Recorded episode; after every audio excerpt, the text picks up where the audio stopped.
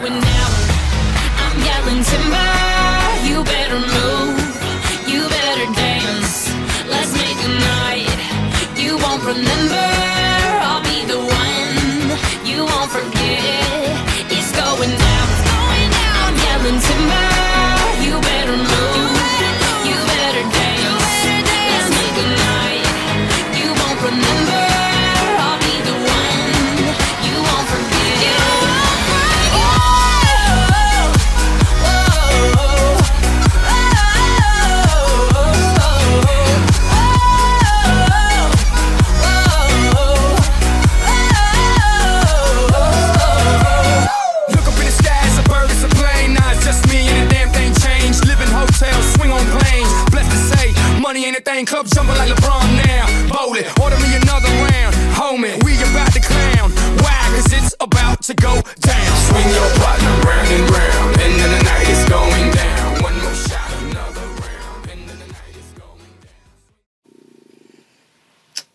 Ja, kära vänner. Hur många gånger har jag sagt det?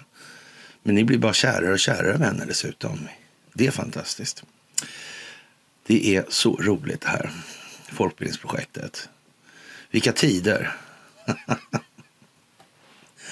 ja, det är helt otroligt alltså. Vilka tider den 15 mars 2023.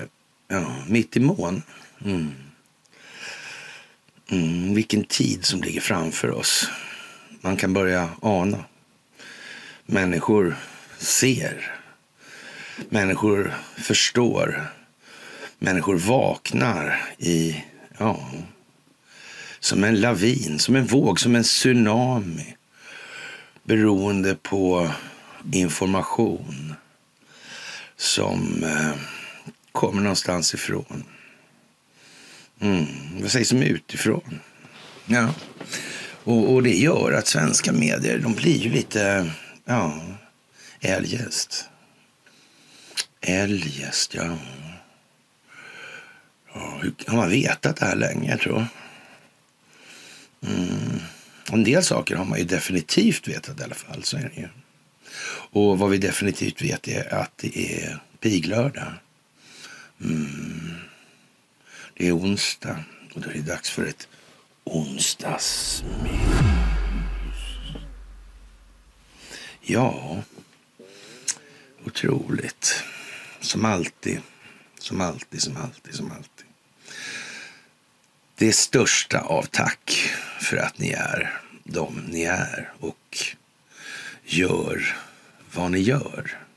Att ni utgör den förändring som vi vill se i vår omvärld. Det är viktigt nu att vi inte står som idioter när det här väller in. Liksom. Som de sista människorna på planeten alltså. Nej. Omvärlden kommer ha ganska lätt att förstå att eh, det här har inte varit det så att säga mest hanterliga klimatet opinionsbildningsmässigt på planeten. Det tror jag de förstår alltså. Mm. Som alltid det största av tack för gåvor på Swish och för Patreon. Ja. Som alltid det största tack för att ni fördjupar er på karlnorberg.se. Som alltid det största av tack för att ni eh, hakar på telegramtjänsten. Så har vi Wonderpods också naturligtvis.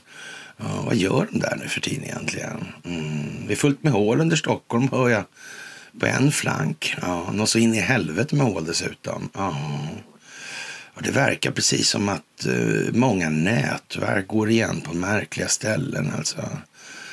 Mm, det verkar vara lite sådär där... Eksjö, Växjö. Ja, konstigt.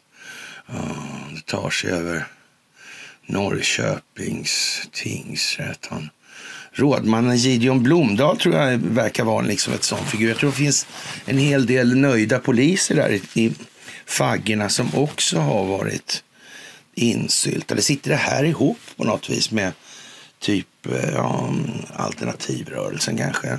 Mm. Jag vet ju inte det alltså. Mm. Hur är det här egentligen? Mm. Hur är det här med... Oh vem kan man lita på egentligen i de här sammanhangen? Ja. Ja, någonting man kan lita på eh, står ju eh, angivet i den här boken som ska läsa några sidor före lite senare. Den är författad av Wilhelm Agrell då, vem kan man lita på? Och, och det kan vara ganska bra att, att känna till lite saker faktiskt. Just nu, det där med Aukusa, Australiens ubåtar. Mm, Australiens roll som bidragsgivare till Clinton Foundation kanske. Mm. Det finns massa saker som verkar helt plötsligt, det sitter ihop väldigt intimt egentligen. Fast det har bara inte sett ut så. Det verkar som att informationsrörlighetsriktningen på något vis har förändrats. Jallarhornet då, eller Tjallarhornet kanske, jag vet inte. Ja, det verkar vara lite sådär i svensk politik också hållhaksbusiness. jag vet inte vad liksom. Eh, det är konstigt. Mm. Wonderpods, ja. Mm, verkligen. Mm. Vi måste försöka hålla fågelperspektivet. Och vi måste fortfarande knyta ihop det bakåt. Alltså. Så är det ju. Mm, vi måste få med oss nya. Fast de kan ju inte liksom sitta och lyssna på det här i all evighet. Det, är ju, så att säga, det måste man ha gjort en stund för att kunna ha någon behållning av. Det går inte. Vi kan liksom inte stanna utvecklingen på det sättet. Och då måste vi ha liksom en tillräcklig uppföljning på det här med att skapa bredd också. Så är det ju. Så alla fyller faktiskt en roll i det här folkbildningsprojektet. Alla som deltar i det här. Och de som inte deltar i det här eller håller på med något annat för att så att säga i alla fall vad som kan tolkas som någonting som är direkt kontraproduktivt för ja, upplysningssyftet. Då. Mm. Man vet, det är allt från defaitister till Ja, riktiga fultroll. Mm. Alla möjliga varianter där. Mm. Ja, det är konstigt. Och vi har väl sagt det här med valet i USA kommer väl ha någon roll. Och då ja, reser sig plötsligt en fråga just nu då. Varför, hur var det egentligen med Mike Pence och, och kunde inte han liksom sätta halt för det här egentligen? Den här processen med att utse Biden där, alltså ja, elektorsvalet 6 januari. va?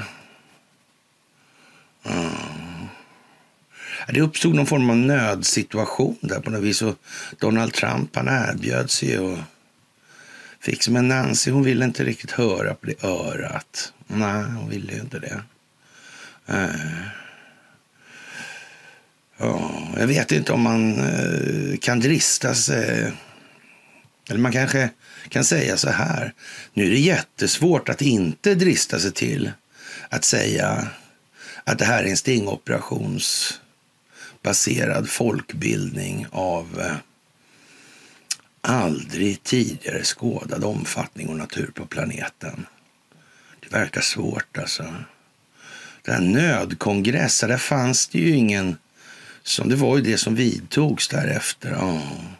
Och då var inte Pence med där då liksom. På något vis, det var ju Nancy Pansy Fancy som var med där då.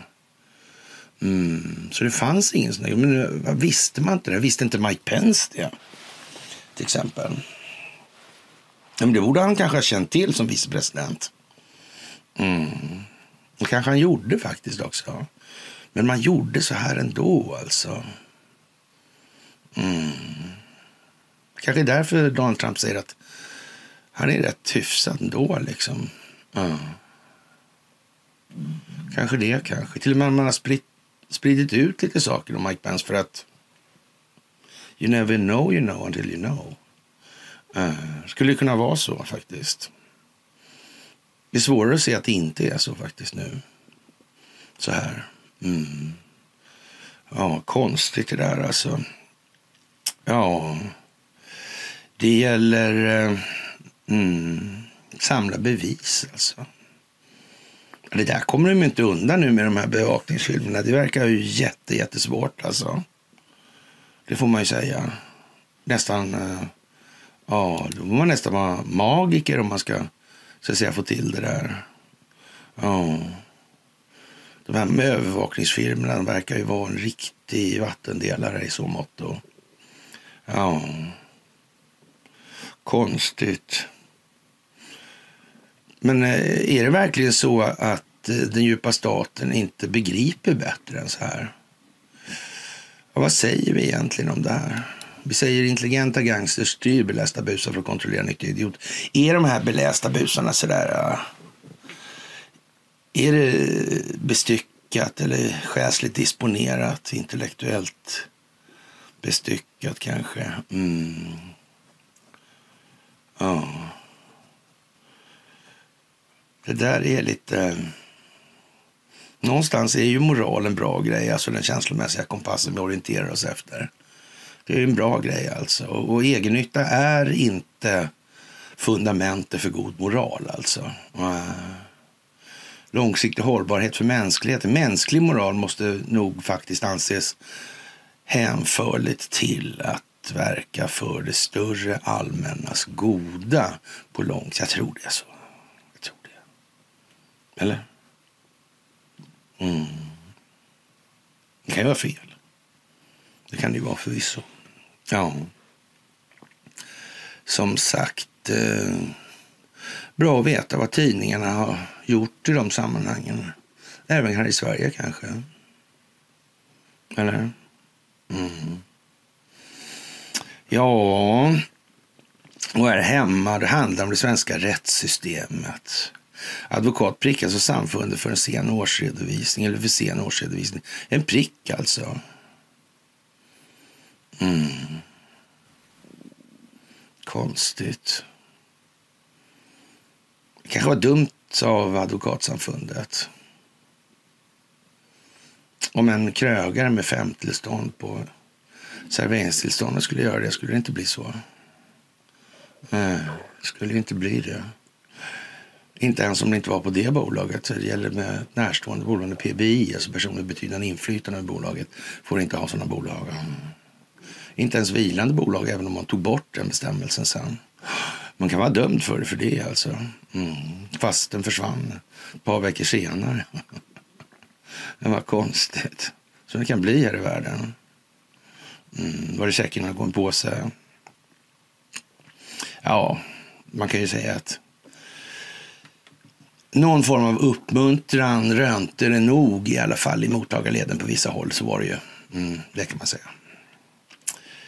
Man kunde förstå då att nej. ja. Att anföra sen att jag vill inte fan vara dömd för något som inte är ett brott längre. Liksom. Ja. Jag ville de inte höra på riktigt. Nej. Men det var så att säga inte riktigt ja, det så att säga, primära problemet kan man ju tycka, men skit inte skitsamma i det nu. Ja. Ja, Ygmans kärring, va? Elisabeth Ygeman tror jag. Var inte han kompis med han ja, Svin-Erik Alhem? Mm. Skulle inte förvåna mig om Svin-Erik och Anders har ja, fler gemensamma nämnare i vad som nu kommer snart. Mm. Det skulle inte förvåna mig det allra, allra minsta faktiskt. Inte det är konstigt? Man vet ju inte. Nej. Men som sagt, är man advokat så gör det inte så mycket. Det är ungefär som att få ett, en prick i KU då, för det handlar ju som sagt om det svenska rättssystemet. Det kan vi väl eh, konstatera. Ja, och eh, den svenska flottan, ja. Ja. Mm. Svenska flottans reservofficersförbund är en liten speciell församling. Mm faktiskt. Har alltid varit. Alltid. Ja, sen 1850 när André Oskar uh, åkte som löjtnant till Sundsvall. Sen dess har det varit jävligt speciellt i alla fall. Mm. Med reservstaten. Mm.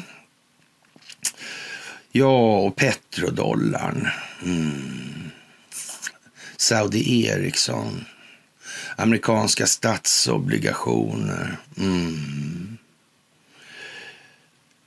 Saudis deal med Iran. Hm.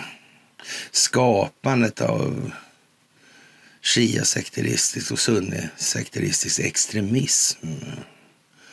Ja. Kände kanske CIA till någonting om mm, kuppen mot Mossadeq 53? Ja, jag vet ju inte. Jo, det vet jag. Mm. Kände de till någonting om eh, 79 års reformation, ska vi kalla det för? Mm. Ja, jag vet ju inte det heller. Jo, det gör jag. Mm. Speciellt får man väl säga i alla fall. Och det här med den djupa statens framväxt då som vi har hållit föreläsningar om en antal gånger och så. Mm. I USA så är det ju en sak för den amerikanska befolkningen. Och det är ju så att säga en stor medial marknad som inte till någon ringa del påverkar situationen här i Europa. Vi håller liksom ögonen på det där. Mm. Därför måste det bli så att det slår in här, därifrån. Men det ska inte komma som någon jävla överraskning för precis alla alltså. Äh. Man kan ju säga att eh, de här tre procenten kan vi nog säga att vi är hemma med sådär. Ja, mm. den 17, nu är vi hemma där. Nej, men det är ju tyst och det lyssnas och det funderas och man öppnar inte riktigt näbben än. Nej. Så är det ju alltså. Mm. Och den här framväxten som vi har hållit i låda om allt det här som har skett med de dubbla världskrigen och kalla kriget och det här. Mm. Är det någonting som amerikanerna i gemen känner till, tro? Kanske ändå inte, nej. nej. Men efterhand så kommer de underfund med det nu. Och det går inte sakta. Nu är vi i den situationen när det går för fort. Nu går det för fort. Mm. Blir det mindre hurry-hurry av eh, utvecklingen för det valutafinansiella systemet möjligen? Mm. Nej. Man måste till och med driva på det här från energibolagens sida för att få folk här att begripa att de är grundlurade. Mm. kommer en förklaringsmodell till folk om att de har betalat några kronor för mycket. Det kan de kontrollera genom att och de som har haft rörligt kan absolut kontrollera det för då har inte priset fluktuerat det allra minsta. Nej, nej, nej. Prisbildningsmekanism. Jag tror vi har pratat om en säck alltså här. På något vis. Den pyser och frustar och rasslar och grejer och har sig produktionskostnaden än. Men priset i kontakten, alltså två hål i väggen. Det är någonting annat av någon anledning. Hur, varför är det det? Vad är det som skiljer egentligen? Mm. Ja. Och Mike Pence kontrollerar motståndet mot Trump och DeSantis håller med Trump. Uh, Taki Karlsson har ställt frågan om situationen i Ukraina. Mm. Where do you stand on Ukraine? Trump vill ha fred. Mm. DeSantis vill också ha fred. Pence, han vill stå lojalt med sina mm, allierade i Europa. Mm. På något vis är eh, allierad med den djupa statens regi. Är det verkligen rimligt att tro att han säger så? Med avseende på att han rimligtvis också borde ha känt till det här med Nancy Pelosis förehavanden. Mm. Antingen är han ju med på båten och så är han ju inte det. Det är bara så alltså. Mm. Verkar som att det finns skådisar inblandade i det här. Faktiskt. Ja, konstigt helt enkelt. Konstigt, ja. Man undrar ju. Har de repat något? ja, man kan undra. Man kan undra alltså. Det närmar sig helt enkelt allt mer, allt snabbare, allt fler. Mm. Så är situationen här hemma vid just nu. Nu har inte jag någon sån här äh, jättehög intensitet på det här med vad alternativrörelsen ägnar sig åt. Så det, men det gör ju då, den kollen håller ju Cornelia och, och Martin, så de kommunicerar jag med eh, ofta. Så, så det, det, mm. det är ju så. Mm. Undrar om det spelar någon roll allt det här med underrättelsetjänstsamarbetet. Mm. Jag vet inte. Undrar om Josef Stalin hade något annat val än att nypa Raoul Wallenberg. Ja, för att skydda sig själv kanske. Mm.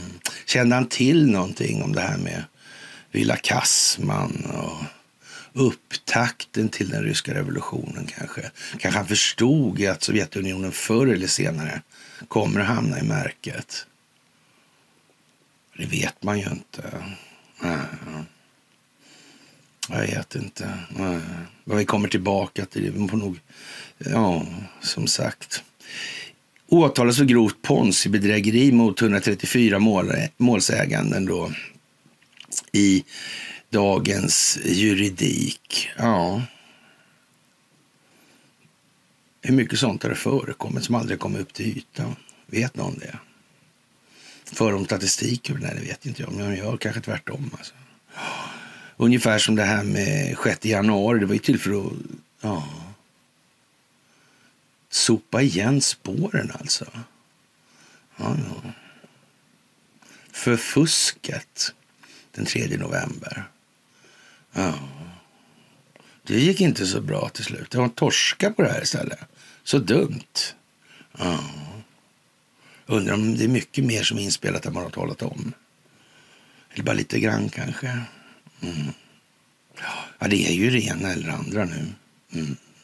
Och lite sådär äh, tveksamt blir det då ur det perspektivet det här med att men resten av ja, alternativ, alternativrörelsen. Alltså det här är alltså fria fantasier och vanföreställningar utan bäring på någonting. Och, och, någon idé om hur det skulle vara istället om det inte är på det här sättet vi beskriver tillvaron i den meningen. Det, det verkar inte finnas. Alltså, det är bara inte så alltså. Nej, det är bara inte så. Det är man säker på. Mm. Oh, varför är man så säker på det? Mm. Ja, det är ju lite konstigt alltså. Ja, som sagt. Eh, Ponzi. Mm, Ponzi-bedrägerier mot 134 mål. Så det är många. Mm. Hur många bankkunder finns i landet? Det är ju rätt många. Det är ju fler. Mm. Ja. Konstigt det också. Skulle det kunna liksom vara en analogi på något vis? Är inte det också en det här med att ha enskilt kontrollerad räntebelastad skuld som principvärde för allmänna betalningsmedel. Leder inte det till att det måste ske en ökad skuldsättning för att täcka likviditetsbehovet ungefär, ungefär som på ett Ponzi-bedrägeri alltså? Eller? Är det, bara, det är lite likt i alla fall. Lite pytte, pytte, pytte. Ytterpytte bara. Mm. mm. Jag undrar varför eh, man inte tog upp det där konstiga också. När man väckte de där åtalen. Det var inte jag som gjorde det, även om somliga från alternativrörelsen hävdade att det var jag som gjorde det. var faktiskt inte alls jag. Däremot så sa jag till henne, eh, jag tror han var advokat och det vet jag inte, aldrig kollat det riktigt sådär. Som, mm, det står ju att han är det i alla fall. Mm, han var ju det, mot SEB. SEB, ja. ja. Mm, de kan lite om det här tror jag. Mm. Norrköpings ting. Så var det Gideon Blomdahl va? Som var rådman, mm, vill jag minnas. Mm. Jag kände en gammal åklagare där. Han visste att berätta. Ja. Tänk, han hette Frank. Ja. Det var ju märkligt det där. Mm. Jag diskuterar de här sakerna väldigt, eller väldigt, ett par gånger ingående i en rätt lång tid. Alltså. Han var döende då. Jag såg inte någon anledning till att han skulle ljuga ja, när han håller med om vad jag påstår. Nej, han gjorde det faktiskt inte. Inte alls. Konstigt. Ja. Alltså kan det ju bli ibland alltså, faktiskt. Mm. Det blir som liksom ett litet kvitto någonstans också då. Ja. Ja. Mm. Gazprom har eh, hittat ett föremål vid Nord Stream 2 rapporterar Berlingske Tidning. Enligt Vladimir Putin ser det ut som en antenn. Det kan vara för att detonera en sprängladdning, säger den ryske presidenten. Kan det vara så? Jag vet inte. Konstigt. Mm. Jag vet inte alls alltså. Specialister tror det kan vara en antenn för att ta emot en signal för att detonera en sprängladdning. Det är möjligt eh, att någonting har planterats under rörledningen, säger Vladimir Putin. Mm. Men eh, om vi säger så här då, att i analogi med allt övrigt vi har berättat om just nu. Mm. Kan det vara så att, eh, det här är en del av den här stingoperationen? Att det här är planerat på så vis? Mm. Och i verkligheten så mm, har man samlat in en massa information och kartlagt en massa saker. Rörelser, kinetisk verksamhet, mm. elektroniska rörelser, mm. kommunikation. Mm. Kan det vara så? Tänk om det är så. Det pinsamt det blir för många då. Mm. Ja, det kan man ju tycka. Och det är många som naturligtvis har tyckt då att man ska då nacka Clinton på ja, Gitmo. Men ändå. De flesta tycker ju ändå att det här är nog lite större än vad man hade tänkt sig från början. Men eh, om vi säger så här då. Att med han Pence verkar det ju mer eller mindre givet att han måste ha spelat med hela tiden. Intressant. Mm. Men eh, om vi tar Clintons. Hur är det då? då? Mm, det finns ju en hel del konstigheter alltså. Där med hur krasslig hon var där och jag vet inte. Sådana där grejer. Det där var ju lite billigt på något vis. Var det inte det? Mm. Bill Clinton. När han svors in va? Så, så pratade han om någon där. Ja, Carol Quigley, professor, han skrev den där Tragedy and Hope på 1800 sidor. Det är en väldigt fin bok alltså. Det är en av de böcker man bör läsa. Men den där fick han ju inte trycka då i början på 60-talet. Det tog ända till 85, har för mig. Ja. Var det något konstigt med det där? Den här bekämpningen av den djupa staten, hur länge kan den ha pågått? Hur vet man säkert att inte Quigley handplockade eh, de här makarna Clinton då, som Rhodes-stipendiater? Hur vet man det? Mm.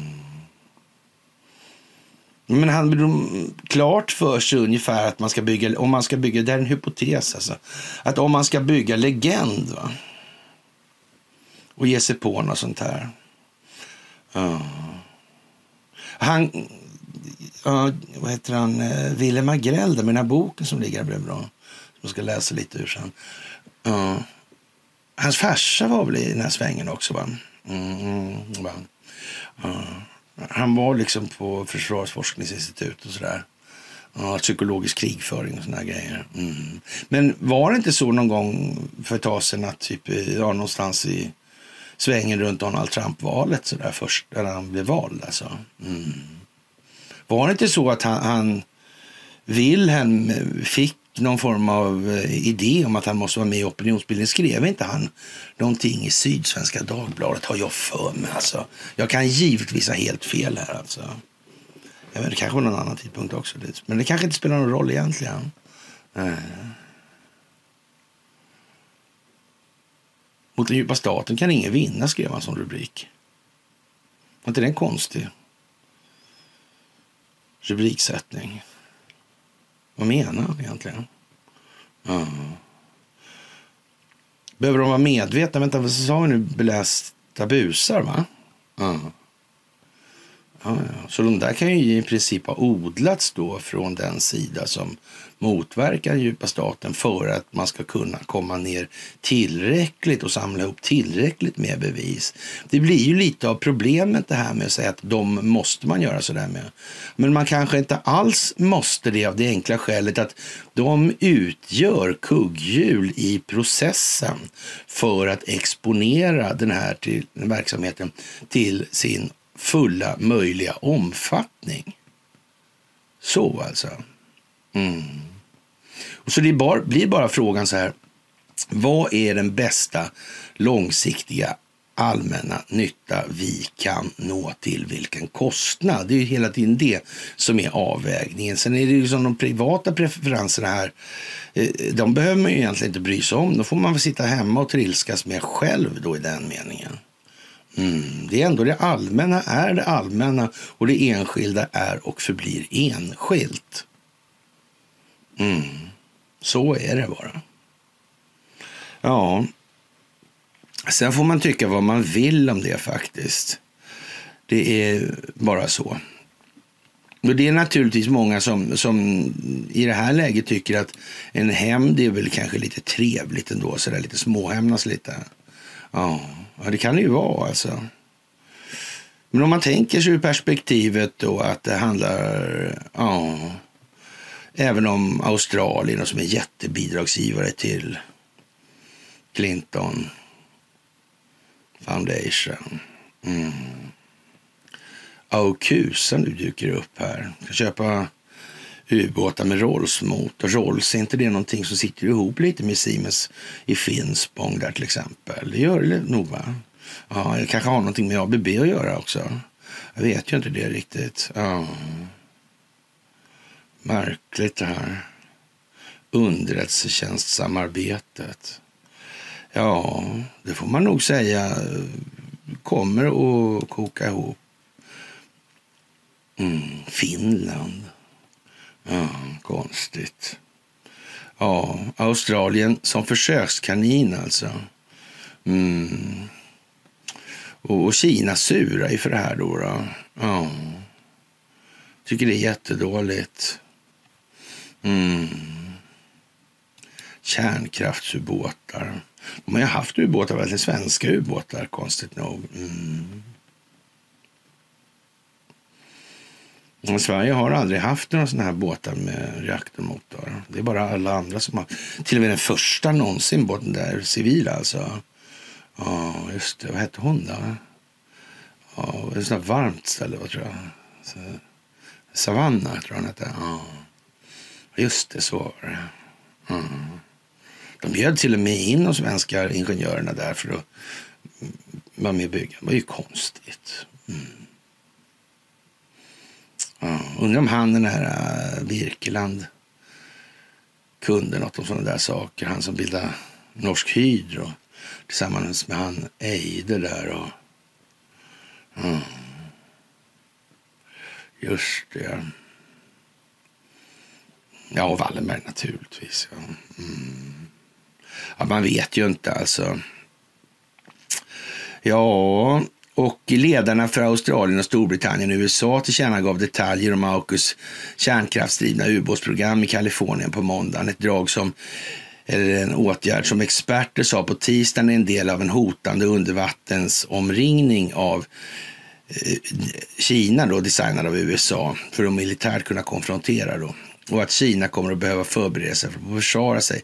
Det är klart att ja, krigstrummorna kommer ju mullra nu och det är meningen. Det behövs alltså. Vi måste rusta upp våra kärnvapen intills dess att Ja, vad sa han egentligen där, Donald Trump? Konstigt, konstigt, konstigt alltså. Ja.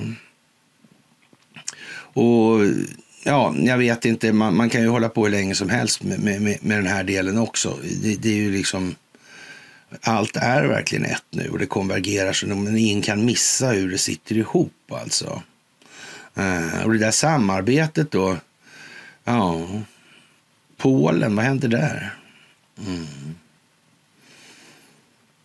Vad hände egentligen det här med djupa staten i Polen? När uppstod det där någonstans? Ja, polackerna själva säger att den svenska syndafloden kom, så får vi väl anta att det... Ja, det kan ju ha varit då i alla fall. Vi ska inte utesluta att det är så kanske. Äh. Äh. Och, och sen var det väl så ända fram till det här äh, fallet, ja. Mm. Det var uh, ja, solidaritetsrörelsen där på det här varvet i Gdansk med Lech Wałęsa tror jag det var. Ja, vad hände med han då? Ja. Men de andra som var med och drog i den här uh, revolten som trodde på det här. Alltså de fick dra därifrån. Alltså, de fick lämna Polen. Alltså. De som inte tog alltså. Ja, ja som fan alltså. Ja, ja, ja, ja, ja. Det är konstigt alltså. Ja, Finlands sak i vår alltså. Mm. Ja, Ljusdal ställa Polaris, ja. Boschaffären och så vidare. Mm. Det går att läsa sig till det här. Det, bara, det räcker med till och med att läsa de artiklar som har publicerats hittills idag så får man faktiskt ihop det här. Mm. Och det är ganska oomkullrunkeligt alltså. Det får man nog fan säga. Mm. Ja, på torsdag reser Finlands president till Turkiet för att diskutera ansökan och Sverige kommer inte att vara med på mötet. Enligt två turkiska tjänstemän är Erdogan nu redo att släppa in Finland, rapporterar Reuters. Turkiets president Recep Tayyip Erdogan kommer att godkänna Finlands NATO-ansökan innan det turkiska valet 14 maj. Mm. då är Finland med och inte Sverige och Finlands sak i vår. Fast eh, Finlands sak är då mera Natos sak och Nato har väl då tillgång till all finsk underrättelsetjänstinformation kan man nog sluta sig till. Ja. Kanske till och med eh, lite av de historiska delarna. Mm. Kan ha varit så att det i Finland fanns människor som kände att de måste skydda sig mot de här globalistintressena kanske också. Man kunde liksom inte göra riktigt allt som de sa utan då fick man säga att man hade gjort och så fick man dölja det på något vis. Typ informationshantering. Vad sa Stalin i den meningen? Han sa att nej, ni får inte de där dokumenten för de ska vi ha för att idka utpressning mot de släktingar till den här göken då som har samarbetat med nazisterna sen långt före 38. 38 var det någonting med Polen, var det inte så? Ja, jag tror det. Jag tror det i alla fall. Alltså. Ja, det är ju lite märkligt det där. Mm. Polen kanske skulle... Vem vet? Mm. Det är speciellt alltså. Det är konstigt det där, för en av de mest moraliska och karaktärsmässigt starka människor jag känner, han är polack. Mm. Och finns det en så finns det fler, det är helt säkert. Det är helt säkert, ja. Han är som man önskar att alla svenskar vore. Ja, det kanske är lite väl... Sådär. Mm. Men, men ändå. Ungefär, för ni förstår vem som... Ja, moral så det vägrar kategoriskt att ljuga i rätten. Tar hellre ett straff. Mm. Än att inte säga, han säger som det är. Ja. Till exempel. Mm. Ja, Uppgifter som gör alltså gällande det här kan bli klart på fredag och Sverige väntar fortfarande på turkisk-ungersk godkännande för att få gå med i Nato. På tisdagen meddelade Kristersson att det är troligt att Sverige kommer att få vänta längre än Finland på godkännande. Ja. Det är inte uteslutet att Finland och Sverige går in i Nato i olika steg. Sannolikt att det kommer att ske i olika takt har ökat, alltså sannolikheten. Ja, sa Kristersson på en pressträff. Enligt uppgifter i Nyhetsbyrån så kommer det på fredag stå klart att Finland går före Sverige in i alliansen. Ja. Ja, då kan det ju börja rinna in saker från Finland i den amerikanska underrättelsetjänstens del som inte är korrumperad av den djupa staten. Det vore ju jävligt förargligt skulle man kunna säga. Det kan ju vara så att man kanske rent utav från eh, tillsynskommittéerna i den amerikanska kongressen så att säga höjer intresset för de historiska delarna av det här och hur den här situationen har kunnat uppstå. Det skulle kunna vara så alltså.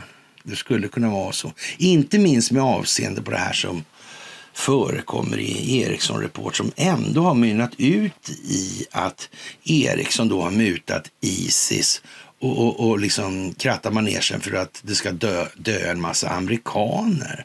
För att de ska uh, tjäna pengar på den snöda mm, girigheten i den falska solidaritetens altare. Alltså. Ja.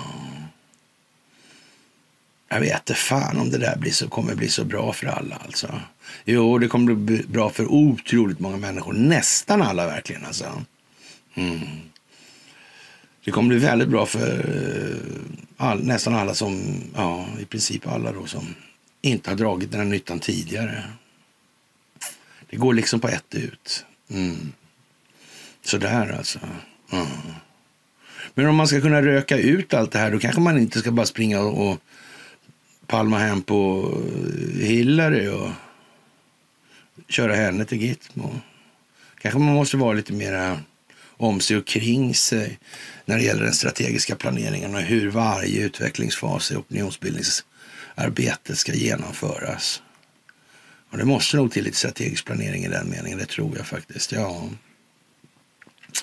Faktiskt. Jag är tämligen förvissad om att det här kommer att bli en helt fantastisk vår alltså. Ja. Det där... Eh, mm. Vem styr? Hade, om inte det var så här att det här var en... Ja, ett stingoperationsbaserat folkbildningsprojekt. Mm. Hade vi kunnat se den utveckling vi har sett? Nej, det hade vi inte. Nej. Nej. Det hade vi inte kunnat göra, för då hade vinstmaximeringsintressena agerat på annat sätt. Och det pin mest pinsamma med allt det här, om jag ska vara riktigt ärlig i den meningen, det är ju det här. Jo, men då är det Agenda 2030 och... menar, det, det, det där snacket det är ju inte bara fluffigt. Det är ju som, jag vet det, det är ju snömos alltså. Ordsallad. Alltså, faktiska omständigheter i sak är och förblir vad det är. Ja, det är bara så.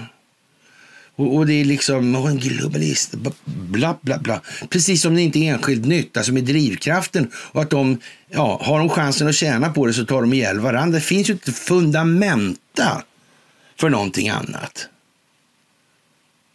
Det är ju det här som är helt obegripligt. Och de enda människor som kan föra sig med den typen av ja, logisk tankegång, det är de som själva är sinnade på samma sätt, för de kan inte se någonting annat.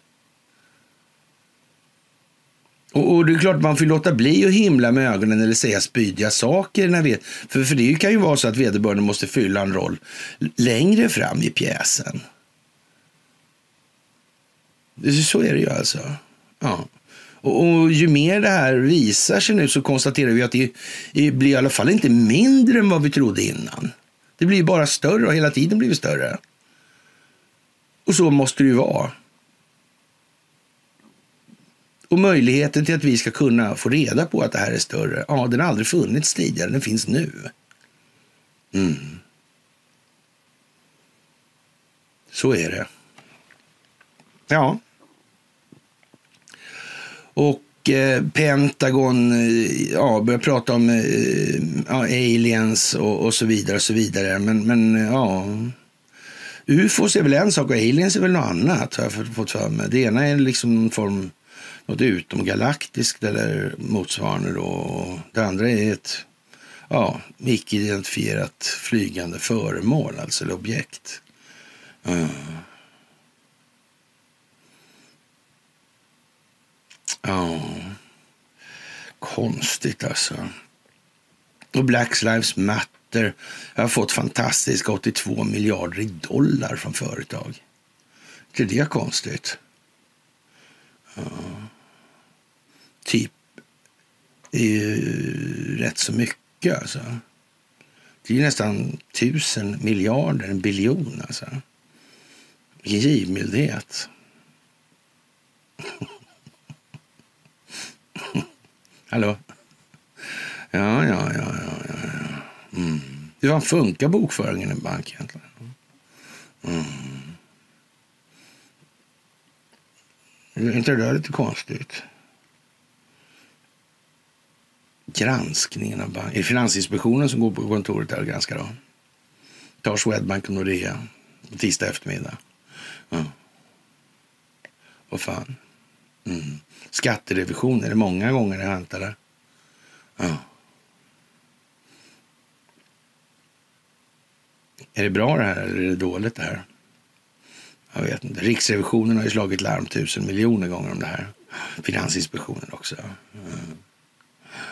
Ja, vi får väl se vad det där landar i för någonting. Alltså. Mm. Penningtvätt kommer nog vara en del som fortsätter att komma igen då. Ja. Och en före detta Clinton-rådgivare där alltså. Ja. Det är ju konstigt hon Wolf där. Naomi Wolf. Ja. Det där är ju konstigt alltså. Mm. Ber de ursäkt till de konservativa? Ja, jag vet inte fan alltså. Mm. Hur många har ja, spelat ett annat spel än vad de givit sken av? Mm. Glasklar helt plötsligt från en dag till en annan. Konst. De börjar ifrågasätta covidiotin där. Och, ja, väldigt konstigt alltså. Mm. Ja, fredliga republikaner och konservativa som helhet har demoniserats av historien som berättas av demokraterna i ledning av vad som hände ja, den 6 januari. Efter den nya filmen på Kapitolintrånget sändes av Fox News Världen tackar Karlsson förra veckan alltså. Ja, det här är ju jättemärkligt alltså. Vad säger alla de här äh, Ja, rhinosarna säger väl också det jävla Wolf-förrädare fast de, håller, de borde inte säga så. Nej. Just det. Mm. Ja, det är ju spännande tycker jag. Jag måste säga det alltså. Ja. Trevligt egentligen alltså. Det här borde ha kommit ut för två år sedan alltså. Mm. När shamanen är oskyldig och sitter där. Ja, konstigt alltså. Jag vet inte. Kan det finnas en tanke bakom det här? En planerad grej? Mm. De inblandade är nog medvetna om vad som gäller i de här sammanhangen tror jag. Mm. I alla fall de som hamnar så där alltså. Ja. Så frågan är väl när Joe Biden snubblar nu. Och nu visar det sig att han höll på att snubbla häromdagen. Alltså. Slå näsan i flygplanstrappen på vägen ner alltså. Ja. Vi är snubblande nära nu som man kan säga. Mm. Så är det också. Och det verkar som att Donald Trump har en rätt så bra läge i opinionen just nu. Kan det vara som av en konsekvens av vad som har utvecklats under de senare tiden, till exempel och tiden dessförinnan också naturligtvis. Men, mm. Kan det vara så? Fanns det andra sätt att göra det här på för att öka den allmänna medvetna medvetenheten i en tillräcklig omfattning? Finns det många sätt som hade varit snabbare? Mm. Undrar vem det är som har tänkt ut att just det här var den mest lämpliga takten. Mm. Ja, vem kan det vara alltså? Man vet ju inte. Ja, här i Sverige är vi ju väldigt eh, bra helt enkelt. Alltid. Ibland så händer ju saker ändå då, och en oönskad skandal för ett krisande KD. Och, och, det måste man ju säga att de här önskade skandalerna då som eh, journalisten eh, implicit antyder existerar. Och det är någonting som, ja, vad ska vi säga egentligen? Ja, Bucht, eh, Buchs sinnelag där alltså. Mm. Ja, vad ska man säga? Man kan väl säga så här, det finns en tradition av hävd i inom det där partiet som är lite speciellt alltså. Mm. Och Sara hon, hon åkte aldrig fast där 2014 på, något, liksom, på något vis ändå. Fast det fanns ju rätt så bra, vill jag minnas att det var. Va? Var det inte köksgolvet där? Mm. Någon faktura där på det också. De har det. Mm. Det var lite mer grejer också för mig. Det var något lättklätt också har jag hört. Ja, kanske så. Ja. Ja, ja, ja. Men hon gick ju klar. Det gick inte lika bra för Robert Nord alltså, som hon bodde med. Nej, det gjorde inte det. Det gjorde ju inte det. Nej. Men det verkar vara liksom ett... Ja, det spelar ingen roll om de var olika partier alltså. Nej, sådär. Det ena var borgerligt och det andra var socialdemokratiskt. Det verkar vara liksom en politisk adel på något vis. Alltså. Och, och det kan man ju tycka är lite konstigt. Alltså. Och ja, det gick inte så bra för Robert där. Han ska ta upp det här strax. Och, ja, och det där köksgolvet. Och vi, vi kan väl eh, nästan sluta oss till att det pågår någon form av partiavveckling just nu. Kanske det här med politiska partier eller filter då är, är på hela taget en ganska så att säga eh, obsolet företeelse. Det borde inte, finns ju ingen, fyller ju ingen funktion då i den delen. Nej, det gör ju inte det. Mm. Det gör ju inte det. Ja. En eh, ja, skandal skakar KD som involverar två av partiets toppnamn, Johan Ingerö och Sara Skyttedal. Då. Att eh, en partisekreterare avgår efter anklagelser om någonting om ofredande eh, ställer frågor om partiets värdegrund. Och det här är ju kanske bra ur flera perspektiv då, för att vi kanske ska göra klart för oss vad värdegrund är. Alltså. Ja, känslogrunden värderingar kan man ju säga också. Mm. Det kan man ju säga. Då blir det liksom lite mer tydligt vad det, handl vad det handlar om här. Ja. Och som sagt, en oönskad skandal. Det implicit innebär väl att eh, Sara känner till lite om önskade skandaler också då. Mm. Annars blir väl uttalandet tämligen meningslöst, alltså, eller någon form av allmängiltigt riktat. Och när ett parti riskerar att åka ur riksdagen hamnar partiledaren ofta i en negativ spiral. Hen får bara prata om hur dåligt det går för partiet, väldigt sällan om partiets politik. Detta var Eva Buschs egen förklaring till varför det var så svårt för henne i början som partiledare för KD. Hon stod för en ny tydlig högerpolitik, men väljarna tycktes utebli. Sen kom framgångsvalet 18 och i opposition seglade KD upp på tvåsiffriga tal. Ja, vi kan väl utgå ifrån att när till och med jag har skrivit artiklar för Expressen en gång i tiden där, eller politikerbloggen hette det väl då med han Niklas Svensson då. Så, ja, och, och, talade om att det kanske spelar större roll vilka som sitter i styrelsen på opinionsbildningsinstitutet i fråga liksom. Ja, inte opinionmätning då, utan bildning sa jag då. Mm. Mm, och det finns väl en risk för viss lojalitet mot beställaren då trots allt. Alltså. Mm. Tror det var liksom en rätt given affärsidé om man säger som så. Ja, men, men eh, bortsett från det då så.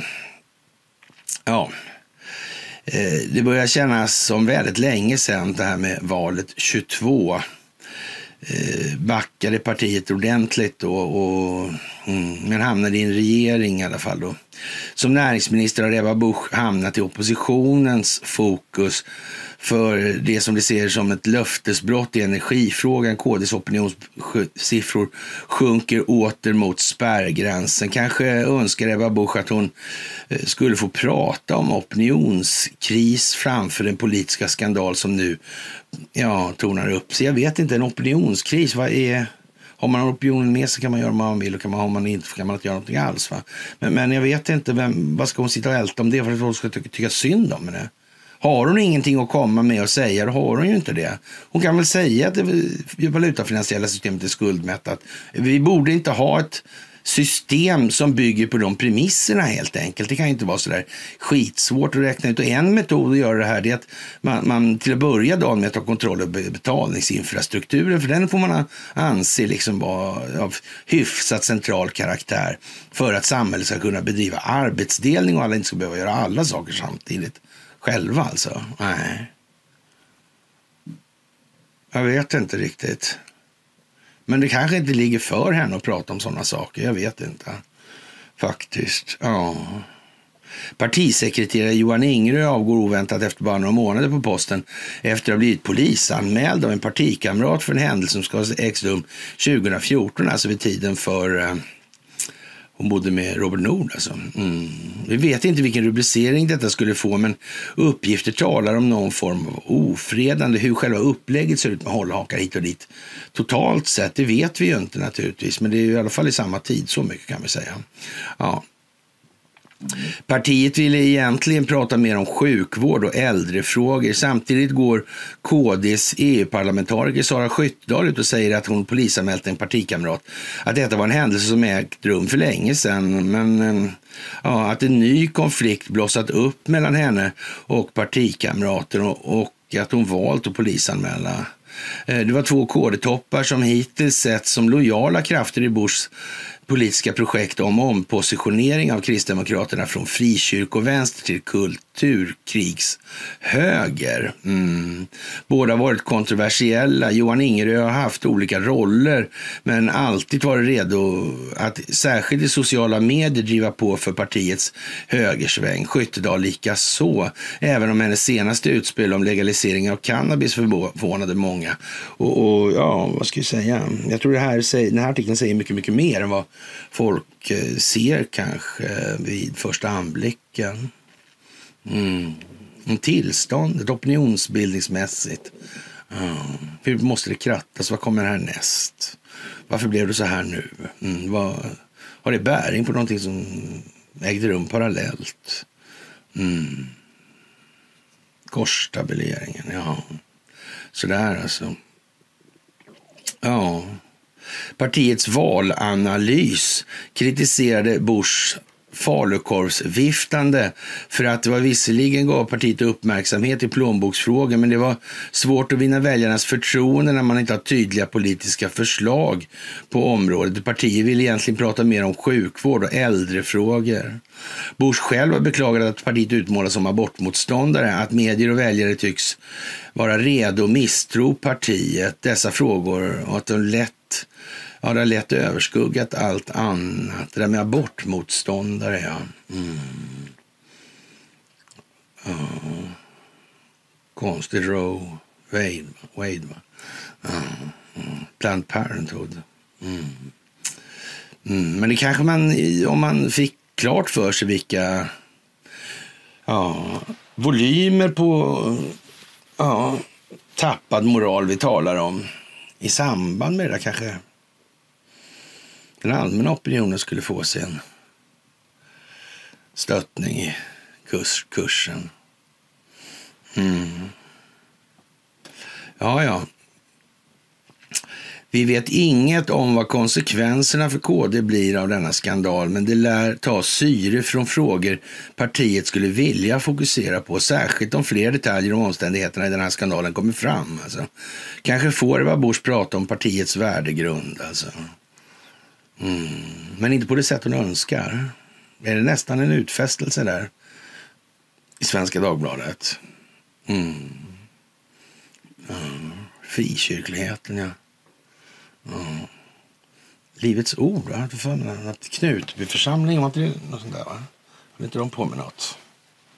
Lustigt, märkligt. Mm. Mm. Ja, de är för goa den där åldern alltså. Som sagt finns det önskade skandaler. Ja. ja. Och mm, vi har delat en gammal postning där om Hewitt och Wallenberg. Och mm, det är viktigt nu alltså. Det där måste ni kolla på. Det kommer att komma. Det kommer att komma om Stella Polaris. Det kommer att komma om Yakuza. Mm. Så är det bara. Det kan vi inte göra någonting åt. Helt säkert.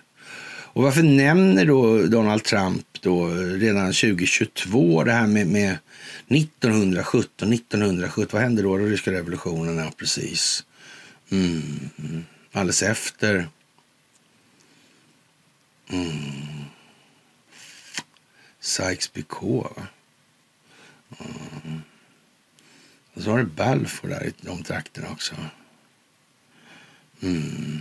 Situationen i Mellanöstern. Den amerikanska rollen i Mellanöstern. Ja.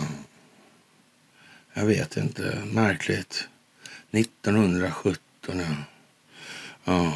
Knut och Alice Wallenbergs stiftelse grundades den 19 december 1917 då bankdirektör Knut Wallenberg och hans hustru Alice, hon som var med i eh, rasbiologiska sällskapet. Ja. ja.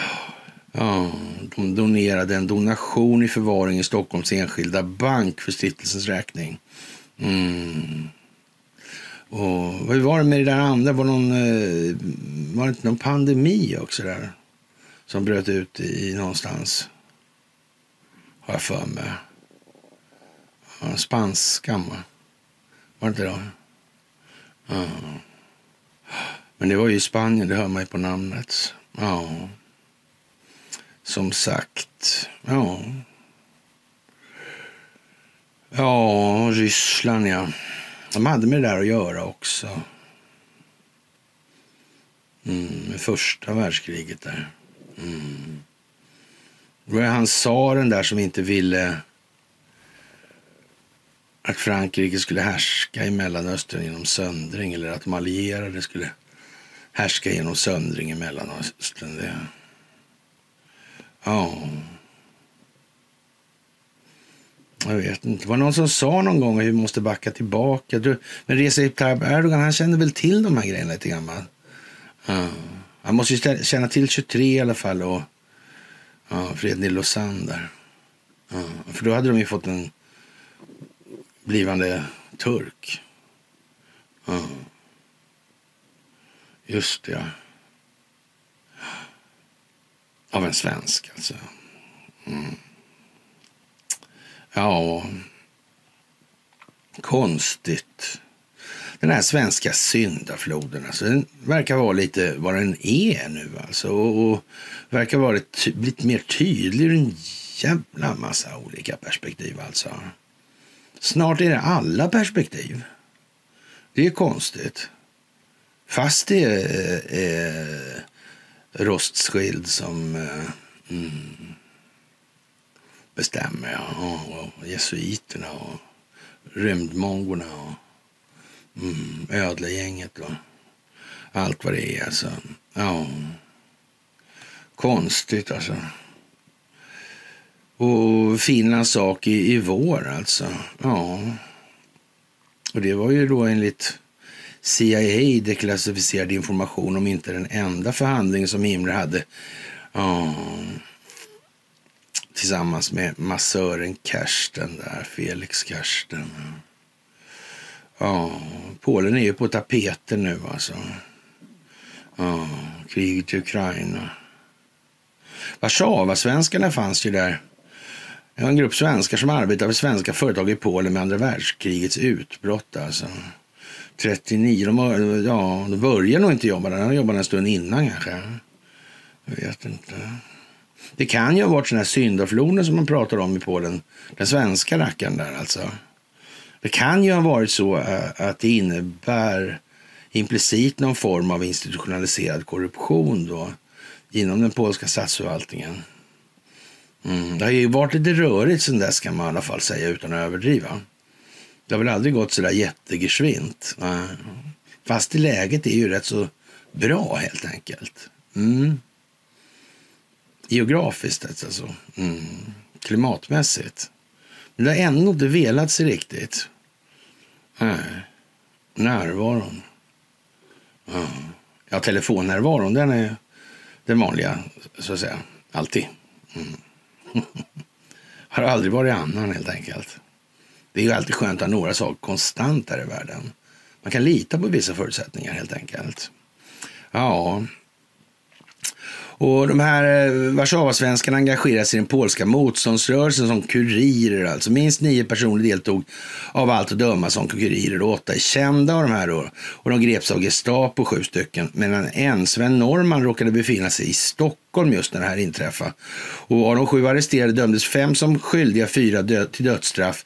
Och Warszawasvenskarna ansågs av Heinrich Himmler ha drivit en viktigaste kurirvägen mellan motståndsrörelsen och den polska exilregeringen i London innan den greps av Gestapo under sommaren 42. Ja, han Himmler där, han var ju kompis med Sven Hedin, precis som Adolf Hitler. Och, och, ja, de här grejerna kommer ni ihåg nu alltså, så nu håller ihop det bara. De första uppgifterna om utrotningsläger med gaskammare i Polen nådde de svenska och brittiska regeringarna denna väg under våren 42. De kände alltså inte till arresteringsprocessen och de här när man tillskansade sig egendomar av de här som hade satts i de här lägren. Mm. Det kände man inte till. Man hade visserligen fått erbjudanden mm, om järnverk i Witkowicz. Jag tror att det ligger i Polen alltså. Jag är inte säker. Men i alla fall om, om uh, Warburgbanken till exempel och en rad sådär. Så de borde ju ha kunnat ändå, alltså lite grann. Och sen, visserligen fick ju då han, var han Jakob där som fick då uh, tyska örnens stora kors, stora kors då, utan anledning naturligtvis. Han hade vägarna förbi och för övrigt hade han bara ljugit för sin bror under hela resans gång och så vidare. Mm. Eller var det inte sådär? Jag vet inte. Borsförhandlingarna, vad handlade inte de om sådana här saker? Var det inte amerikaner med där kanske? Ja. Som kom från advokatbyrån Sullivan Cromwell noga räknat. Mm. Ja. Kalla krigsstarts utrikesministern i USA, vad hette han? Mm. John Foster Dull, ja. Det hette han, ja. Och, och brorsan, ja. Allen, alltså. Ja. Konstigt, alltså. Mm. Bland Warszawasvenskarna fanns bland andra CA-chefen, alltså i Polen, Sven Norman. Och han var hemma vid då, alltså, och chefen för Svenska Tändsticksbolaget i Polen, alltså Swedish Match, alltså i Polen. Karl Herzlow. Mm. Den där Jorit, han var chef för amerikanska Swedish Match då. Mm, konstigt. Mm. Märkligt det där med Kryger. Mm. Ja, ja. Just det. Efter vädjanden från bland annat Gustav V och den finske presidenten Risto Ryti kontakter via Heinrich Himmlers massör Felix Kersten. Alltså. Det är liksom inte enda gången han är i farten den här. Ja, samt så, som bytesvara i handelsförhandlingar och svenska kullagerleveranser, alltså SKF alltså. Verkställdes aldrig dödsdomarna som de fyra fick av någon anledning då. Konstigt. Kanske kan det här med Felix Kersten bättre ses som att affärerna för Investor inte saknade betydelse i de här sammanhangen. Skulle det kunna vara så alltså?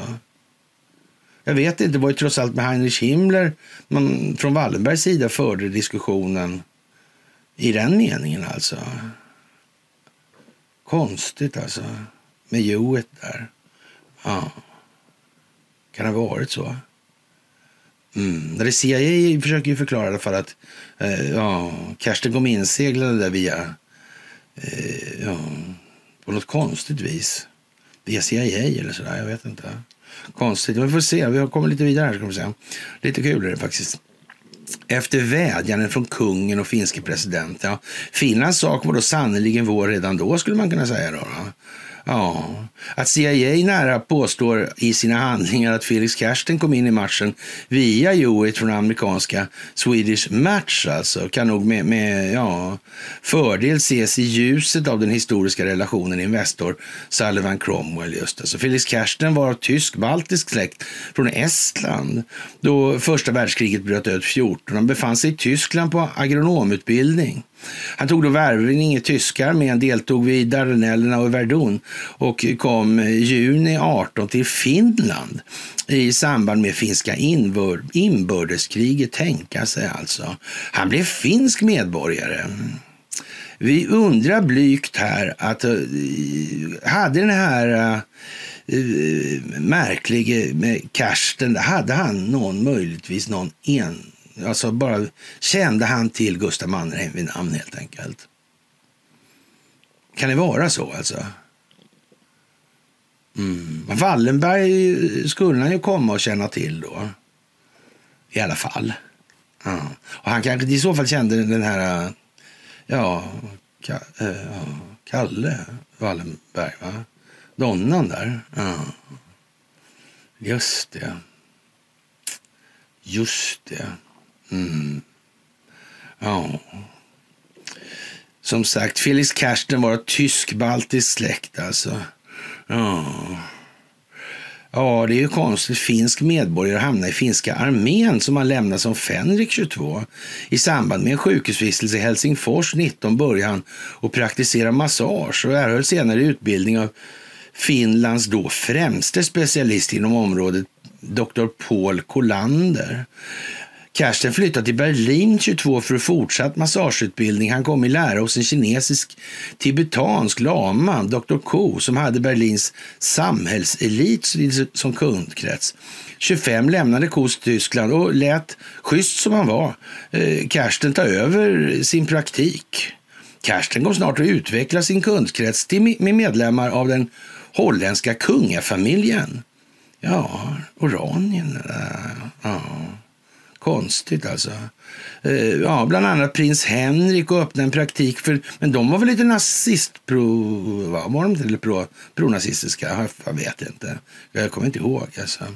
Han öppnade en praktik i Haag i mars 39 blev han kallad till SS högkvarter i Berlin för att behandla Heinrich Himmlers magbesvär. Jaha. Utan några kända nazistiska sympatier kom han att verka alltså där. Mm. Han kommer att verka där som SS-ledaren personliga massör fram till krigsslut och diverse förhandlingar höll han på med också. Mm. Royal Dutch eh, Shell tänker vi på, eller Hollandse Koopman Bank kanske. Vi tänker nog på Alders Vibe också, kanske affärer till varje pris. Det kanske fanns en historik där för övrigt. Det vet man ju inte. Nej, konstigt. Och Himmler, ja. Ja, Sven Hedin, Anna Närbe-projektet. Ja, man vet ju inte. Och utan några kända nazistiska sympatier. Det är ju speciellt, ja. Under behandlingarna lyckas han vinna Himmlers förtroende och intervenera för gamla vänner eller benådade från dödsstraff enligt hans egen utsago, bland annat förre holländske premiärminister Hendrikus Collin. Från 43 kom Karsten att vistas längre perioder i Sverige.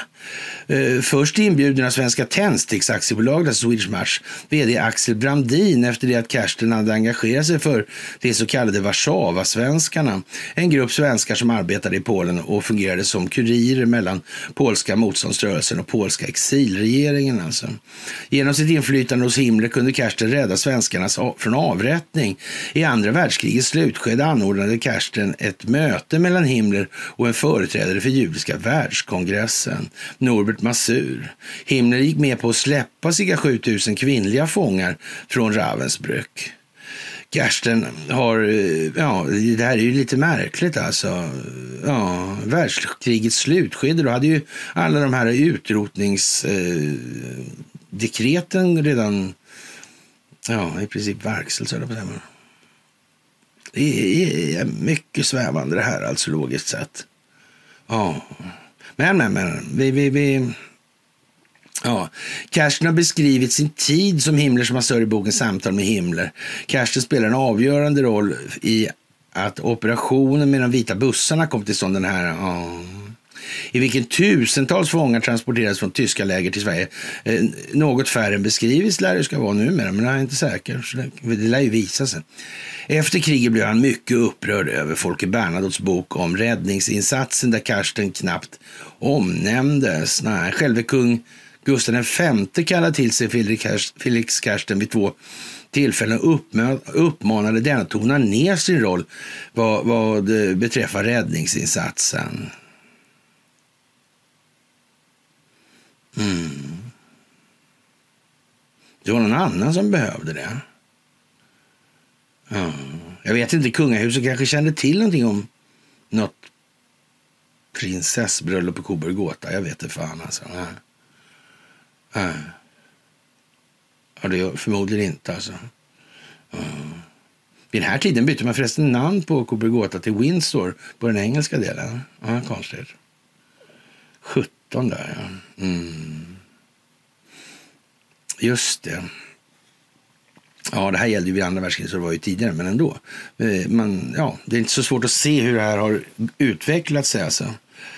Ja, hans memoarer var sanningshalt på många punkter starkt ifrågasatt. Bland annat hans uppgift om att han förhindrade en tysk plan på att deportera hela holländska befolkningen österut.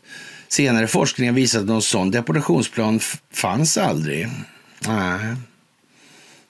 Det är ju fantastiskt alltså. Senare alltså forskning har visat att det fanns ingen som planerade det. Ja, hur fan vet man vad alla tänkte? Mm. Det är ju konstigt. Faktiskt. Ja, det är ju nästan lite speciellt alltså. Det där är... Ja, lite trist helt enkelt. Ja, Karsten avled på sjukhus i Tyskland efter att ha drabbats av en hjärtinfarkt under en bilfärd på tyska autobahn på väg till Paris där han skulle motta hederslegionen av NATO-entusiasten Charles de Gaulle. Charles, Charles de Gaulle alltså. Jo, men så då. Mm. Efter, eh, ja, eller holländska regeringsledamöter föreslog under åtta år Felix Kersten som kandidat till Nobels fredspris. Ja. Felix Kersten utnämndes till storofficer i Oranien-Nassaorden och tilldelades det nederländska Röda Korsets silvermedalj på, av prins Bernhard som han var minsann nazistentusiastisk i alla fall. Mm. Efter kriget bosatte sig Kersten i Sverige då. Ja, men först efter att ha utretts av Socialstyrelsen beviljades han 53 svenskt medborgarskap. Ja. Mm, det var klart. Mm, men då hade han ju sen, å andra sidan det amerikanska utrikesdepartementet i ryggen då för säkerhets skull. Ja. Mm. Men eh, det är ingen i de här sammanhangen som känner någon annan. Vi har ju konstaterat att, att, i alla fall att Karsten kände till familjen Wallenberg. Det verkar i alla fall uppenbart alltså. Sådär. Mm. Så. Ja. ja. Det är ju konstigt alltså. Och familjen Wallenberg kände nog till den amerikanska utrikesministern från 53. Det verkar också rätt så säkert. Inte minst med avseende på Borsförhandlingarna. Ja. Ja, ja. Karsten förvärvade efter kriget en liten egendom i Länna, cirka 15 kilometer söder om Strängnäs. Ursäkta. Han är begravd på Länna kyrkogård tillsammans med sin hustru Irmgard, eh, född eh, Neuschäfer 09 04. Enligt Judiska världskongressen meddelade, medverkade Kersten till att rädda över 60 000 judiska fångar från nazismen, nazisterna och deras förintelse och koncentrationsläger. Borde inte det liksom... Mm, mm. Det verkar ju rätt mycket. Det verkar inte rimma liksom riktigt med att ingen vet vem det är och så. Vad konstigt. Mm. Vad konstigt alltihop blev. Ja, det får man faktiskt säga va. Det får man nästan säga. Ja. Det är många som har haft band till Sverige. Ja. Polska maffians hejdukar sa till Wall Enberg i Jönssonligans största kupp. Mm. Jag vet inte. Mm. Hm. Märkligt. Mm. Kanske var det omvända. Man vet ju inte. Nej. Det kan ju vara så helt enkelt. Det kan vara så faktiskt. Man, man får nästan eh, tro på att det kan vara lite åt det hållet alltså. Den djupa staten förlorar inom vartenda område nu. Det är bara så alltså. Och eh, Många människor lämnar Demokratiska partiet i USA och den djupa staten. Det är fake news som inte fungerar längre. Det är sociala medier som inte heller fungerar som det var tänkt. Och den djupa staten är det bara elände helt enkelt. Och ja, de här filerna om censur kom ut från Twitter. Sen har det bara gått åt helvete med jallarhorn och allting. Alltså, för kontrollerar man inte opinionen så kontrollerar man ta med fan ingenting längre. Nej.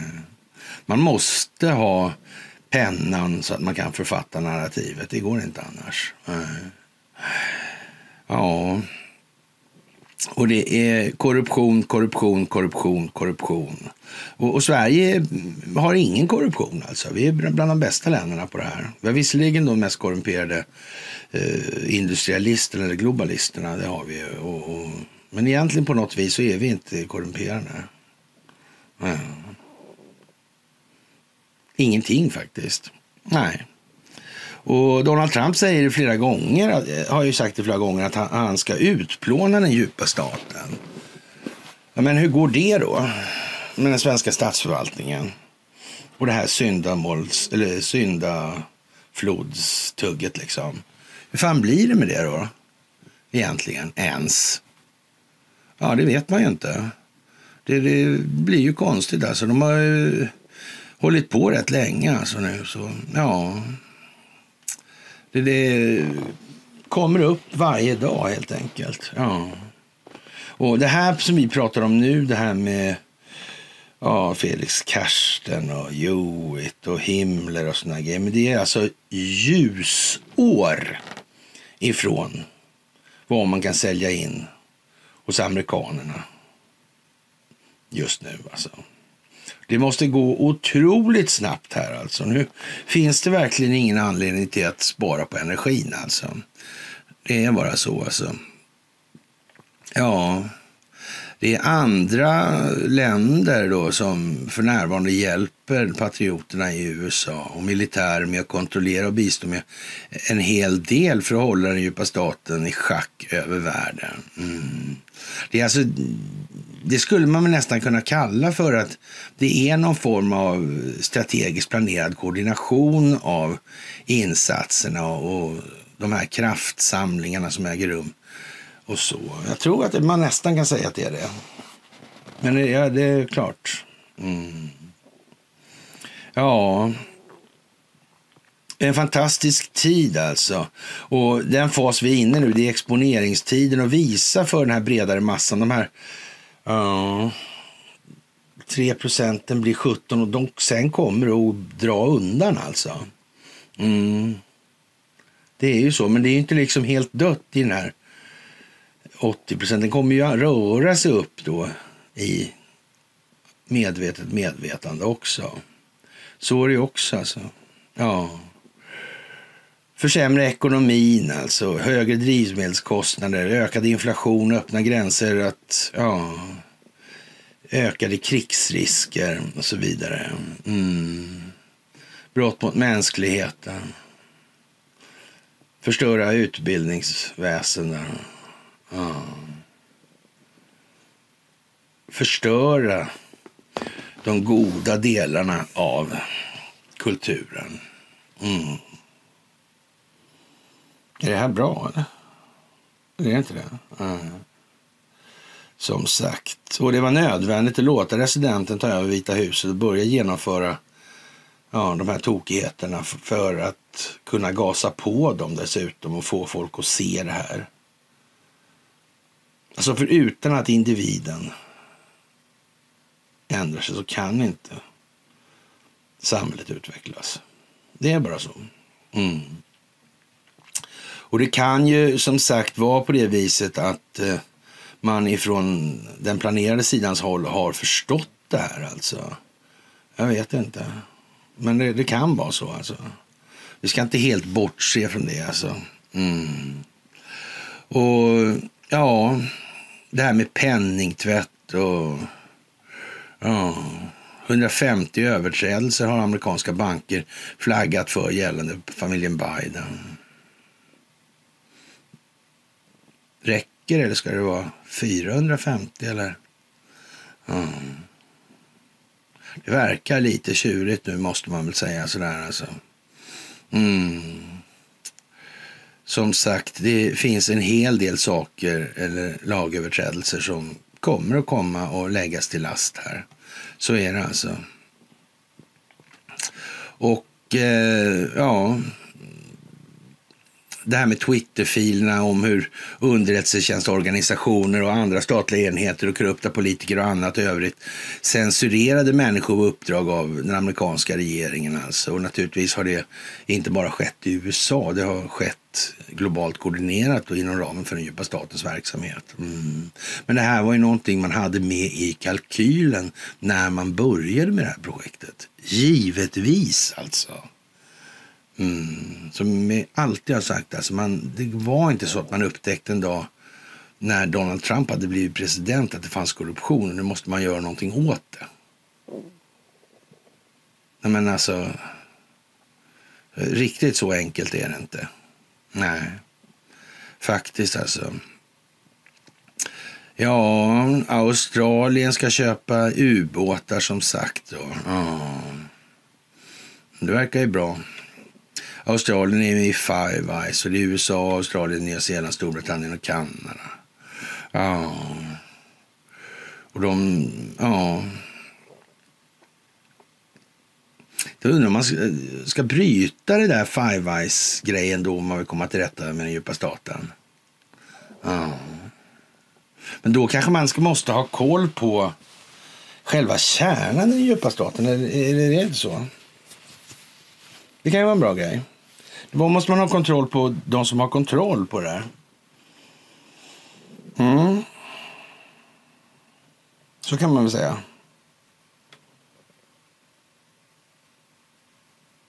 Ja, vilka det nu kan vara, ja.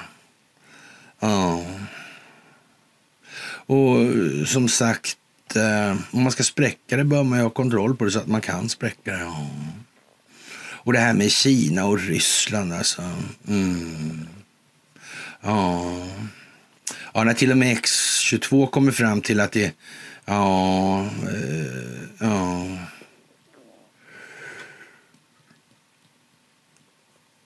Finns djupa staten där alltså. Ja, ja. Kina är med på det här alltså. Mm. Ja, det är ju lite udda nu alltså. Det får man nog säga alltså. Och ja... Alla eh, korrupta politikers önskan om det här med att USA ska gå i krig alltså. Ja. Mm, det blir ett skärv, inte rätt många är eniga om alltså. Ja. Det får man nog eh, utgå ifrån faktiskt. Och inte minst för svenskt vidkommande skulle man kunna säga att skandinaviska teatern kommer att aktualiseras i de här sammanhangen. Det är därför Sverige står ensamt nu alltså. Mm. Och ja, såklart, är man kärna så. Då kan man ju säga så här då om Finland går med på fredag, då är det klart, då är Sverige isolerat. Mm. Och man kan väl säga så här att det spel som pågår i Polen lär ju i alla fall inte till någon ringa omfattning vara styrt av och påverkat av den sida som motverkar den djupa staten och den svenska syndfloden. Det är alldeles säkert alltså. Alldeles, alldeles säkert är det. Ja. Det är speciellt just nu alltså. Ja. Och mm, som sagt Mike Pence där. Mm. Ja. Det är fantastiskt alltså. Nu gäller det alltså att inte vara en dålig vinnare alltså det enda som är sämre än en dålig förlorare. Det är ingen bra grej just nu alltså. Nej, det får man helt enkelt låta bli alltså. Hämndlystnaden får liksom stå undan för insikten om vad som är det större allmänna goda på lång sikt. Mm. Sen kan det smaka mycket skit vill i munnen, men det är så i alla fall. Ja, mycket, mycket svårt alltså. Mm, svårt, mycket svårt, ja. Sarkasmerna ligger och jäser. Ja, men det är ju så. Det är ju verkligen så. Och, och ja, det är inte så lång tid kvar man överhuvudtaget kan vara sarkastisk längre. Äh, utan att det blir jävligt snett. Mm. Och då får man försöka tänka folk är faktiskt ledsna på riktigt i många fall. Alltså, sen må det vara hur skeva moraliska grunder som helst till det, upp, den upplevelsen. Men, men i alla fall så får man liksom, det är deras upple känsloupplevelser. Be, det är ju bearbetningen av den sen som är främst, först och främst deras egen. Tillhandahållet av den obehagliga sanningen det gör vi gladeligen alltså. Mm. Men när man väl har gjort det så får man nästan, ja, har man några bra ord att ge på vägen så Ja. Ja, S skapade sig en egen ungersk rättsskandal, ja. Ja, det var ju lite konstigt, alltså politiker eller politikrummet, alltså. Mm. Jag vet inte vad man ska säga om det där, alltså. Det är lite mycket sånt där, alltså. Snippadomen där två S-märkta nämndemän uppges ha lämnat efter påtryckningar skapar, skakar om Socialdemokraterna. Det är samtidigt som den här katastrofen i princip inom uh, Kristdemokraterna. Ja. Uh.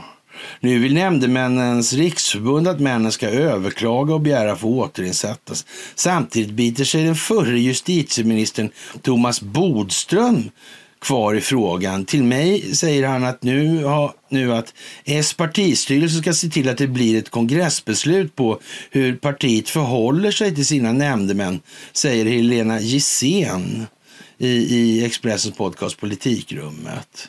Ja, det är konstigt det här alltså. Från rödgrönt håll har man återkommande gärna kritiserat länder som Polen och Ungern. Ja. Polen igen har man sett, ja, och Ungern också. De som ska säga det är Nato det ena och det andra, ja just det.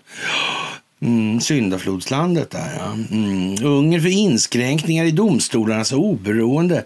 Därför är historien med de socialdemokratiska nämndemännen som slutar sina uppdrag efter ett coachande samtal med partidistriktet i Göteborg extra olyckligt som ett parti för Socialdemokraterna. Jag vet inte, kan det vara eh, tanken att det ska vara så här? Kanske vi exponerar. Är det här en tydlig optik eller är det en, ingen optik alls kanske? Vad vet jag? Fantastiskt, tycker jag nog. Argast av alla är i alla fall Thomas Bodström då, som varit en av partiets största stjärnor och är svår att vifta undan då i de här sammanhangen. Mm, det kan man ju faktiskt säga. Passar sig jättebra att han dyker upp. Tror, kan det möjligen finnas hållhaka på den löken? Skulle det kunna vara så? Va? Claes Borgström pallar inte. Nej, det gjorde han tydligen inte. Nej. Mm. Det var en del saker som Bodström själv inte pallade heller. va? Ja. Ja. Som sagt. Vi får hoppas att han, eftersom han är med fortfarande så kan han ju inte liksom... Ja. Det måste finnas incitament till överlevnad i alla fall på karln. Mm. Och, och, det kan man väl säga först som sist att en sån ska man nog... Eh, ja. Supa ner till hörntänderna. och sen hålla, så att säga, ja, inte korsförhör så. ja, se hur smart han är då. Ja. Ja, ja, ja, ja, ja. Många tänker nog helt enkelt att det var bra att de här äldre manliga nämndemännen inte fick fortsätta. Sen tror jag det är en fungerande krisstrategi som S-ledningen har tillämpat här. Att säga att man litar till sina partivänner i Göteborg och är det något problem så får de lösa det själva, säger Helena Gissén som gör comeback i podden här. Mm. Domen har återigen riktat ljuset mot kritiserade nämndemannasystemet med lekmannadomare som utses av partierna fast det är politiskt oberoende alltså. Och, och där föryngringen är en utmaning alltså. Mm. Eh, det är rimligt att försöka göra nämndemannakåren mer som en spegling av befolkningen, säger Helena Isén. Ja. Alltså jag vet inte hur jävla dumt det ska behöva bli. Men det här är i alla fall vad man kan klassificera som tämligen tydligt då. Sådär. Och, och jag ger inte så mycket för det här uh, rättssystemet helt enkelt i sin nuvarande tillämpning. Nej, det gör jag inte alltså. Och eh, som sagt, 1 plus 1 kan bli 184 om man lägger ihop två saker. Alltså kan man räkna ut att det kanske finns i 184 länder. Vad vet jag? Vad vet jag alltså? Ja, det är fantastiskt att få göra det här tillsammans med er. Och eh, ja, Simor hörs är, är, väl inte som Lasse Bern i alla fall, men, men ibland kan han vara lite sådär eh, eh, hantverksmässigt eh, mycket bra naturligtvis. Men, men eh, ja, men nu är det ju klart så att han kan ju spela såklart. Upp på tå alltså.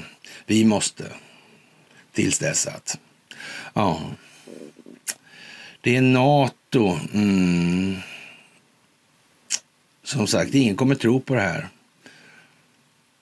Annat än att det amerikanska utrikesdepartementet och försvarsdepartementet och så vidare är hyggligt korrumperade. Ja. Faktiskt alltså. Ja. Jag vet inte. Och nu börjar det höras det här som jag har eh, tagit upp då eh, en miljon gånger. Alltså. Ja. Att man inte låter de här haverera bankerna då. Mm. Låt smällen rulla ut liksom. Mm. Och sen öppna för... Men det alltså den människor som håller sig med den här typen av idéer om att eh, konkurrens är det som skapar samhällen. Nej, det är arbetsdelning som skapar samhällen. Det, där är liksom, det är inte rätt någonstans. Att eliminering skulle ha positiva effekter annat än ur ett enskilt perspektiv. Det är ju så ja, ett, ja, upplevt. Ja. Men man kan säga så här, när den näst sista människan dör på jorden så kommer den sista människan förmodligen inte glädjas över att ha vunnit. Så frågan är bara, ska vi verkligen behöva gå ända dit? Verkar inte det långsökt? Jag har en idé om att det gör det i alla fall. Men, men det kan ju vara liksom så, taget ur luften sådär som, ja. Ja, speciellt är det i alla fall. Och eh, ja, att vägra hjälpa de här SVDs bidragsgivare. Mm. Bidragsgivare, ja. Mm. Man kan säga investerare också. Mm. Men problemet är ju alltså att det är helt okej okay för folk att låta de där som investerat där. Mm. Men om det här sitter ihop då? Det blir rippeleffekter, spridningseffekter alltså. Mm. Det måste realiseras förluster i långt fler bankers balansräkningar än folk i allmänhet har en aning om i det här. Tillgångarna är återförsäkrade mot förändringar i det nominella värdet. Mm. Värdet på de försäkringarna är också återförsäkrat. Ja. Vad konstigt alltså. Ja, kapitalismen håller på att falla samman framför våra ögon. Ja, ja jag vet inte. Mm. Silicon Valleys eh, ja, banks då, räddningspaket som släpptes av den amerikanska myndigheten ett bevis på för att, heter det, den amerikanska kapitalismen kollapsar inför våra ögon. Ja. Som sagt, eh, har det funnits någon kapitalism någon gång eller? På riktigt alltså, fri konkurrens och så vidare. Och det här är ju liksom, vem, vem, hur mycket konkurrens ska det vara och varför? Ja, vi ska ha så vi har ett samhälle. Okej. Okay. Okej. Okay. Mm. Och målsättningen med den enskilda företagsamheten ska vara enskild utomaximering? Mm. Ha. Hur mycket ska någon få tjäna då? Och hur stort ska någonting få bli? Hur mycket makt ska någon få ha? Mm. Ägande, är inte det lite oklart begrepp? Mm. Just när man trodde man hade kommit lite långt så kan man hålla på och ta tag i grunderna igen. Så ser man att jag sannerligen inte ur alla perspektiv har kommit så där jättelångt. Är det inte? Nej, det är det inte. Mm. Ja, faktiskt det är speciellt alltså. Den kollapsar inför våra ögon. Det kan man ju säga alltså. Ja, regeringen har helt och hållet räddat eh, sparare och investerare i det här. Och det är ett allvarligt brott mot finansiell disciplin. Alltså. Ja, det är konstigt. Mm. Men ingen vill ju ta sin förlust. Det är okej så länge andra gör det, men ingen vill förlora. Nej. Så. Ja. Det är i princip vad som kallas att somna vid ratten. Miljardärsgrundaren från Citadel, då, Griffin, påstår det här, som i år blev den mest framgångsrika hedgefonden i historien. Han tror att styrkan i den amerikanska ekonomin är att den amerikanska regeringen inte alls borde ha vidtagit så drastiska åtgärder. Det hade varit alltså en utmärkt lektion i moral hazard, säger han. Förlusterna för insättare skulle fortfarande vara obetydliga, men, men slutsatsen är att risk måste hanteras skickligt. Ja, man kan säga att ett sånt uttalande ja, undanröjer i alla fall inte misstanken om att vederbörande inte vill prata om ja, principvärdet för det allmänna betalningsmedlet och vad det för med sig implicit i förhållande till begreppet eh, skuldmättnad till exempel utifrån eh, räntekostnadstillväxtbegreppet. Mm. Jag vet inte alltså. Ja, konstigt. Ja, det är lite lattjo, det får man nog säga. Och ja, jag eh, tror att eh, det här med, ja, nu vill nog eh, Europa i stort faktiskt ha tillbaka Donald Trump. Mm.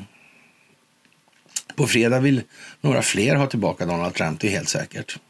Givet då att det går som det är förutsagt i Turkiet för den finske presidenten. Mm. Man vet ju inte. Ja, men lite gulligt är det allt alltså. Och ja, hur var det där egentligen då? Var det en visselblåsartjänst som man hade inrättat på Alekta där? Mm. Jag vet inte. Alekta Fastigheter, ja. Mm. Hur hanteras visselblåsarmeddelanden där? Mm. Vad gjorde Alekta för att tänka främst på insättarna?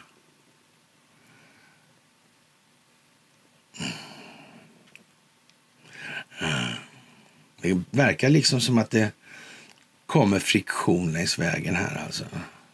I folkbildningen. Det kanske behövs, jag vet inte. Alltså. Ja. Vladimir Putin rullar ut röda mattan för Bashar al-Assad vid sällsynt besök i Moskva. Ja, Syriens president Bashar al-Assad anlände till Moskva på tisdagen i en sällsynt resa. Han förväntas träffa sina trogna allierade Rysslands president Vladimir Putin Putin mm, dagen efter. Då. Ett uttalande från Kreml som förhandsgranskade Assad-Putin-möte på onsdagen antydde att på dagordningen så kommer att stå ytterligare utveckling av det rysk-syriska samarbetet på de politiska, handelsmässiga, ekonomiska och humanitära områdena. Såväl som utsikterna för ett omfattande, en omfattande lösning av situationen i och runt Syrien enligt TASS. Ja, Uttalade noterade också att onsdagen är årsdagen av konflikten som började för 12 år sedan, i mars 2011. Mm. Assad gick segrande ut, särskilt med Rysslands hjälp med tanke på den ryska militära interventionen på inbjudan av den syriska leda, ledaren eh, 2015. Mm. Ja, hur var det här egentligen? Faktiskt. Både Damaskus och Moskva har karaktäriserat konflikten som grunden eh, i i grunden ett resultat av externt drivna regimsförändringar riktade mot Assad ledda av USA och Golfallierade. Men i år har det för första gången varit frekventa besök av representanter från arabiska huvudstäder i Damaskus. Mm.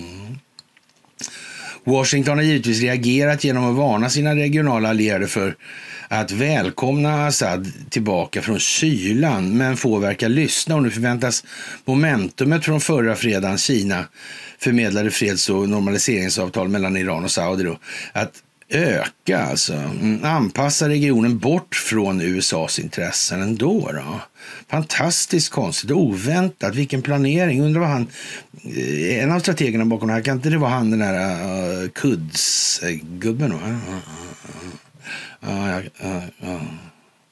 Soleimani, va? Mm. Qasem Soleimani, ja. Mm. Ja, just det. Det var ju konstigt. Mm. Men hon sköt ju Trump. Mm. Mm. Han gjorde det. Ja. Så han går inte att skjuta igen menar jag. Nej. Det är ju så. Fördelen med de som är döda är att de inte kan dö igen. Då. Ja. Det där är ju lite lustigt alltså. Ja. Det där är väldigt speciellt alltså. Ja. Det verkar bli bättre alltså. Allting. Konstigt nog. Ja. Den här Moskvaresan kommer att eh, få skåda både Putin och Assad dra nytta av det positiva momentum som finns till Syriens fördel just nu. Alltså. Och, och, mm, det här är ett ögonblick då USAs ansträngda insatser och sanktioner mm, blir lite mera ifrågasatta då kan vi väl uttrycka det som. Mm. Jag vet inte. Assad tog emot av Putins särskilda representant från Mellanöstern. Bogdanov på Moskvas internationella flygplats. Ja, just det. Ja. Mm. Före en dödlig jordbävning den 6 februari som dödade 50 000 människor i Turkiet och Syrien ja, hade Ryssland förmedlat samtal mellan de två jordbävningsdrabbade nationerna. Mm, det kanske inte är läge att köra diplomatvägen va, för djupa staten just nu. Det kanske är, någon har stängt det där lite. Det får bli andra fönster helt enkelt. Kan det vara så? Ja, fönster. Jag undrar om det här med ekonomin och den här trassliga situationen med skuldmätaren och ackumulerad räntekostnadstillväxt och ja, enskilt kontrollerad skuld som allmänt betalningsmedel ja, och vad det innebär i sin implicita förlängning. Mm. Är det ett fönster det också tror jag? För att visa massa andra saker. Ta upp dem nu på en gång kanske. Som till exempel det här med konkurrens och, och så vidare. Kan det vara så? Ja, man vet ju faktiskt aldrig riktigt i den meningen. Det är ju så också. Ja, turkiska representanter förväntas vara närvarande för händelser relaterade till Assads besök med Ja, Associated, Associated Press alltså. De syriska, turkiska och ryska biträdande utrikesministrarna samt en senior rådgivare till deras iranska motsvarighet kommer också att hålla samtal onsdag torsdag i Moskva för att diskutera antiterroristinsatser i Syrien. Mm, jag antar att logistiken kring det här eh, terroristandet då, eller terrorismandet det, det kanske är någonting som mm, kommer på tapeten då också. Vem vet om inte mm, delar av den amerikanska underrättelsetjänsterna kanske kan bistå med någonting. Jag vet inte, har någonting att säga? Jag vet inte. Mm. Business as usual kanske gäller i Sverige i alla fall. För det går inte att tala om för allihopa att locket är på eller husse har stackel. Det kommer inte gå. Alltså. Då, då kommer det finnas massa människor som får massa idéer om hur de ska hantera situationen. Och det ska vi helst inte ha. Vi ska inte ha belästa busar till, till, till något sånt. Alltså det, det är direkt olämpligt. Alla, alla, alla, alla eh, problem blir, blir en spik om man bara har en hammare som verktyg. Så är det. Mm. Faktiskt, ja. Och varför inte låta bankerna falla? Ja. Det är jättekonstigt. Kan det vara för att det här förtroendet för det här systemet inte skulle kunna repareras och skulle det aldrig kunna infalla, äh, införas igen då? Uh. Mm. Ja, de, de inför inte men så kan man ju säga också så här. Varför skulle vi inte ha ett banksystem som, som ligger under befolkningens kontroll då? Mm. Och för jag tror inte liksom det är riktigt moget det där med att allting gott i samhället då, eller för det allmännas bästa på lång sikt kommer ur konkurrens. Den, den har vi provat så många gånger så det vet inte jag om jag... Och, och eftersom de människorna som tycker så ändå är, har en benägenhet att så att säga gå i näsans riktning mm, så lär det ju inte gå i så många andra riktningar då, vi säger. Nej, så kan man säga. Och, och sen är det ja, inte mycket, mm, helt enkelt. Och ja, ni har ju hört mig älta det där i, i evigheter, så det är väl inte mer med det alltså. Och eh, ja, vad ska vi säga? Donald Trump lovar att utplåna den djupa staten. Mm. Big time alltså. Och ja, konstigt alltså. Och det här säger han i Iowa. Det kan vara början på något nytt. 2024 is the final battle. Mm. Iowa. Slagskepp. Mm. Kom upp i flöde. BB 61. Mm. 61. Var det inte någon grej som hade då liksom med... med ja. Var det inte röda linjer där? Så? Ja. Var det inte sånt? Var inte det någonting i, med Kuba kanske? Mm. Där var de där dallbröderna med också i bakvattnet. Ja, just det, så var de med. Ja. Just det. Just ja. Mm. Iowa. Det var en sån här Hollywoodfilm om den här Iowa. Belägring, va? Under belägring. Med han Steve Seagull. Steve Fiskmås, liksom. Ja. Just Men han är ju ryss. Just ja, så ja. Just det. Ja, vad lattjo. Man kan göra små lekar sådana här. Ja. Det lekte alltid jag med min lillebror faktiskt. Det var jättekonstigt. Mm. Det var mm, långa kedjor kan jag säga. Man var tvungen att lägga ibland för att få ihop det. Ja. Sådär. Ja, den här nödsituationen den 6 januari för att kulminera det här. Ja, just det. Annars skulle valkuppen avslöjas. Ja. Konstigt. Det står i Gateway Pundit nu ändå alltså. Mm. Så det var planerat med andra ord. Och det framgår med all önskvärd tydlighet av de här videoklippen eller videofilmerna, övervakningsfilmerna. 40 000 timmar. Ja, konstigt. Jag sjöng vid Bondens knut nu i sommaren här. Det är våren som är slut, svarar bonden så tvär. Ja, djupt i kärlen här i nord och sanna mina ord. Det är krig och politik som har fördärvat vår jord. Ja, det är ju mycket som har beskrivits förut och vem kan man lita på egentligen? Ja, det kan man verkligen fråga sig alltså. Mm. Och om man tänker sig då i, i tiden då för det här spektaklet då, så kan vi konstatera att Eh, underrättelsetjänstkollektivet eller framväxten av den moderna djupa staterna alltså, och det militärindustriella komplexets underrättelsetjänstkollektiv och så vidare. Det, det, det, är mycket speciellt nu och relationerna mellan NSA och GCHQ, alltså den engelska delen av det här, och Sverige formaliserades 1954, alltså året efter John Foster Dull blev utrikesminister i USA, alltså, och året efter Josef Stalin dog. Året då det verkligen tog fart med det kalla kriget. Mm.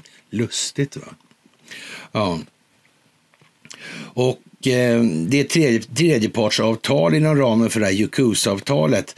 Det är ett avtal skilde sig från Norusa i det avseendet att samarbete med FRA delades upp så att britterna skötte kommunikationsspaningen Komint medan NSA skulle stå för samarbete i fråga om, del, eh, om elektronisk signalspaning.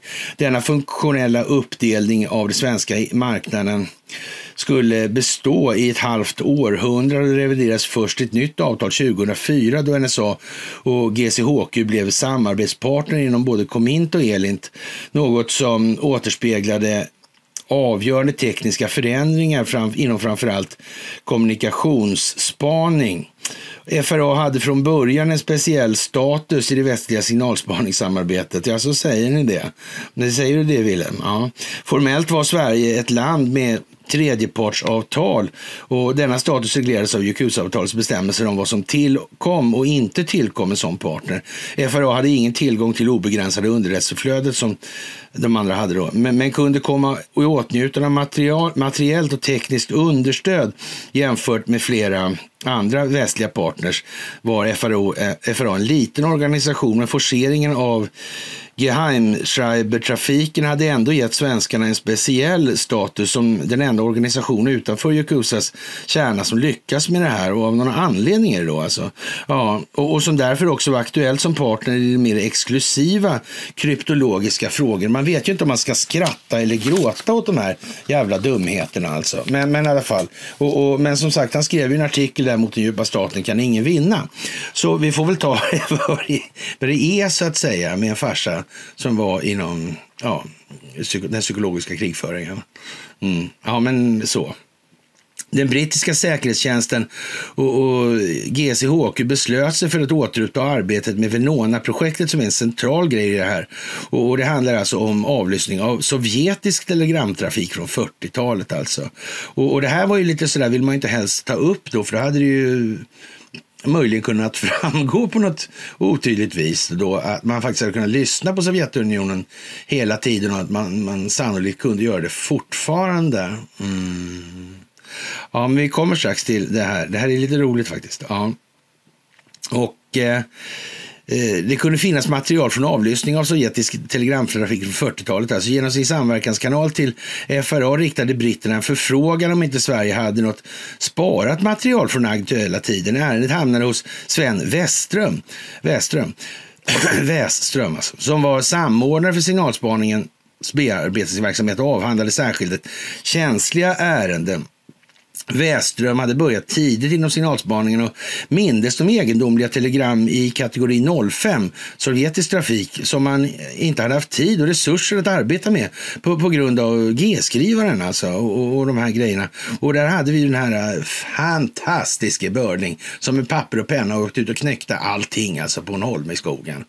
Ja, eller på en, på en sjö liksom. Ja, men sånt där liksom. Mm, fantastiskt. Och eh, det här är ju då århundradets sämsta sagor helt enkelt.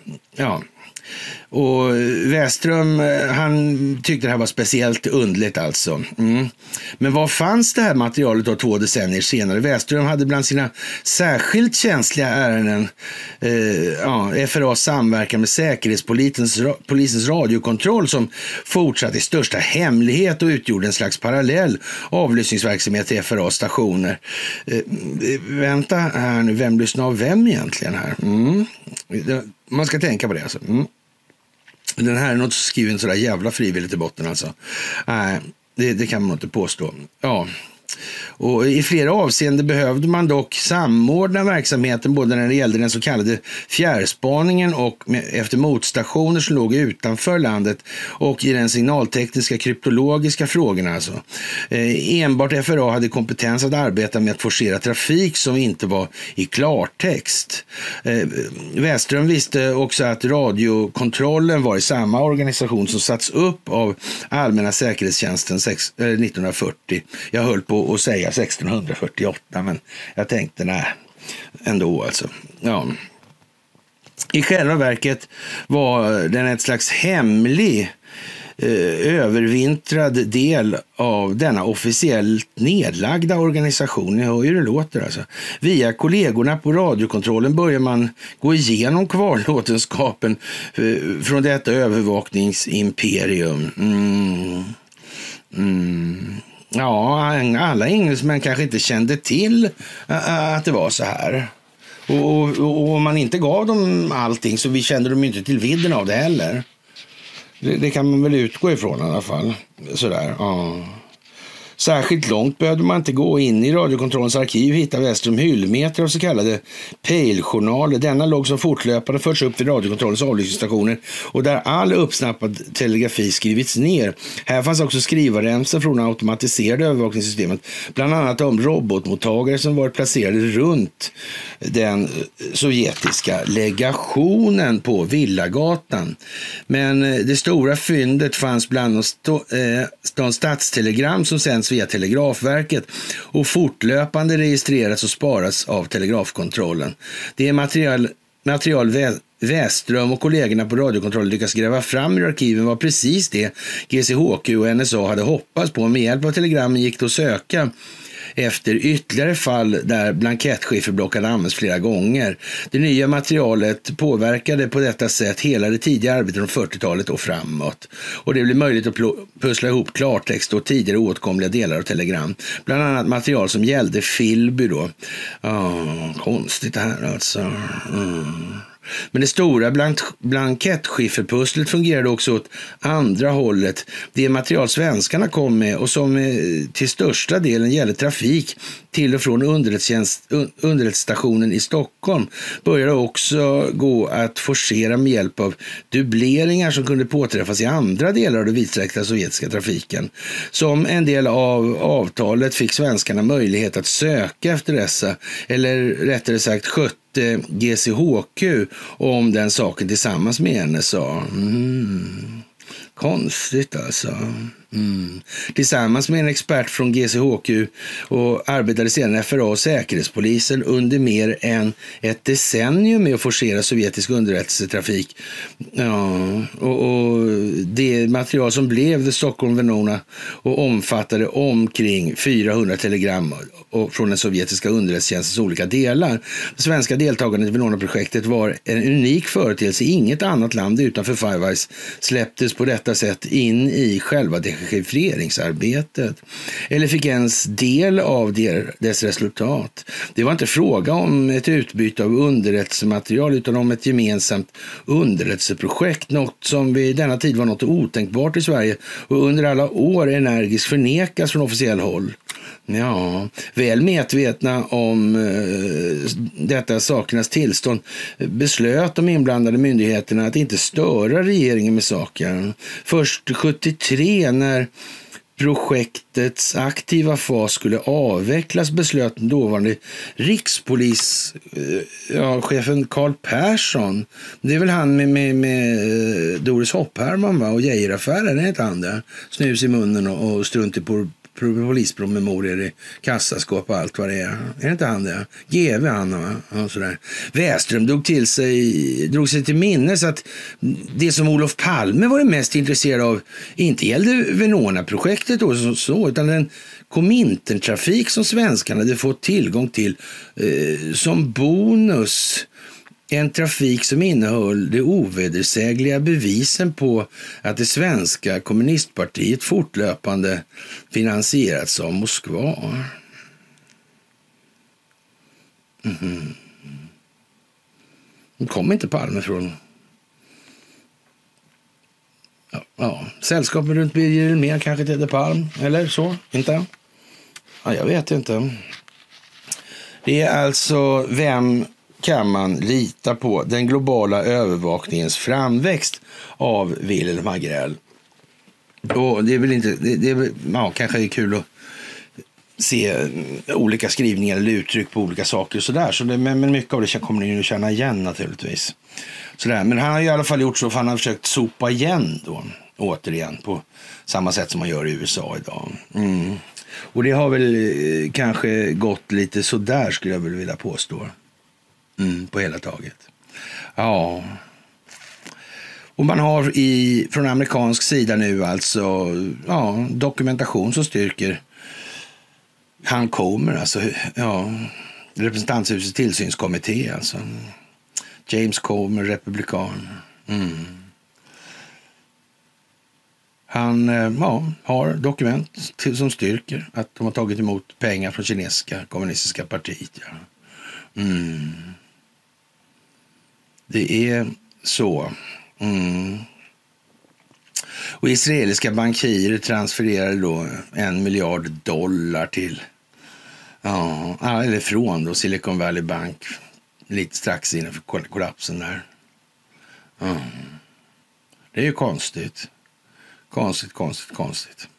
Ja, kära vänner, det kokar ner här alltså. Och ja... Det är mycket som går ihop, kan vi väl säga. Mm. Faktiskt rätt så speciellt på hela taget. Meta ska sparka, sparka 10 000. Mm. Hur många har du jobbat där egentligen? Ja, finns de ens? Mm. Eller är det bara elektroniska identiteter ja, som går att använda? Ja. Hur kan det vara alltså? Ja, det vet man ju inte. Det vet man ju inte. Sverige var ett av de första länderna i världen att satsa på den nya teknologin när atomåldern startade i mitten av 40-talet. 16 mars inbjuder museet in till samtal och diskussion om energi och kulturarv i sin nya talbar. Alltså. Och då undrar vi då kanske om de här breven alltså. Birkeland va? Mm. Kanske från 1906. Ja, jag vet ju inte, men det skulle ju kunna vara någonting alltså. Mm.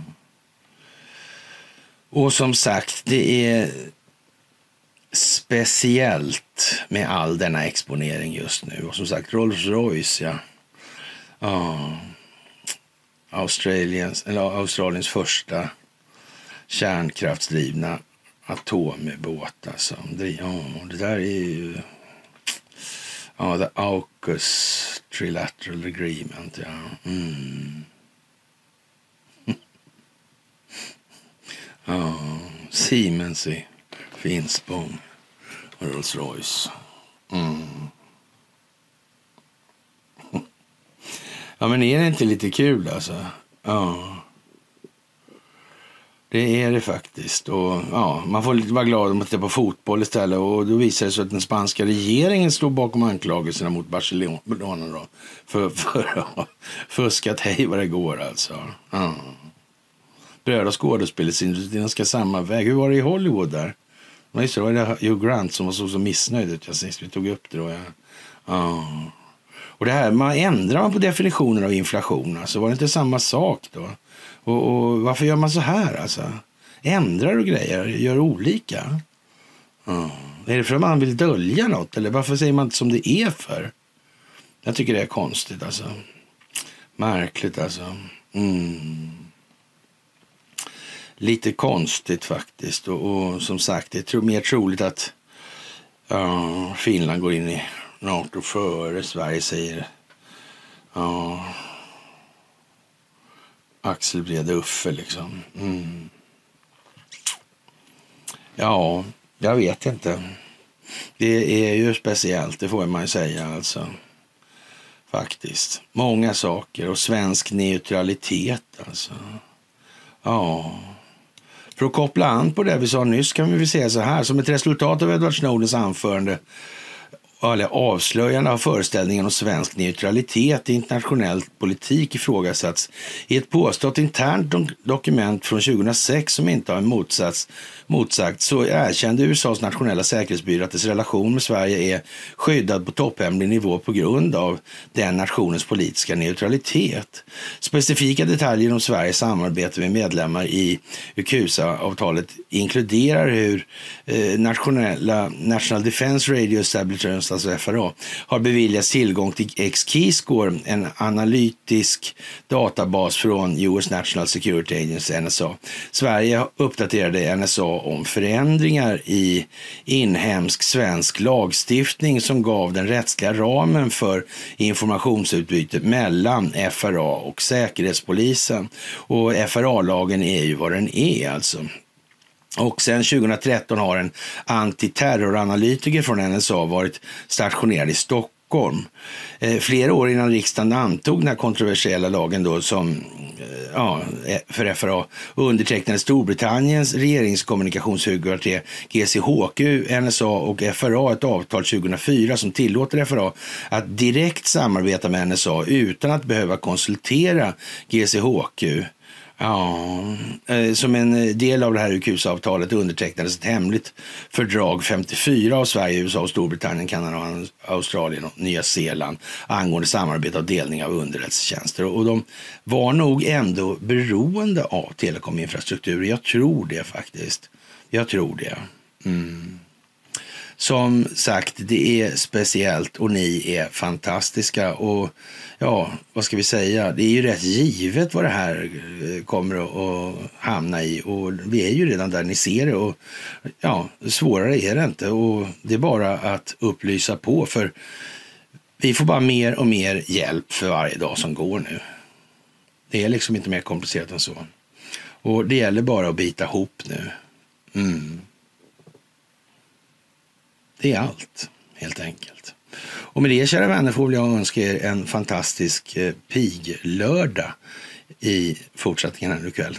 Och eh, ja, så hörs vi väl senast på fredag som vanligt för ett litet fredagsmys.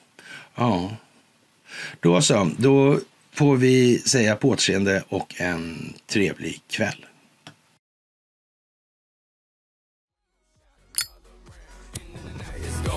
Going down. I'm yelling timber. You better move. You better dance. Let's make a night you won't remember.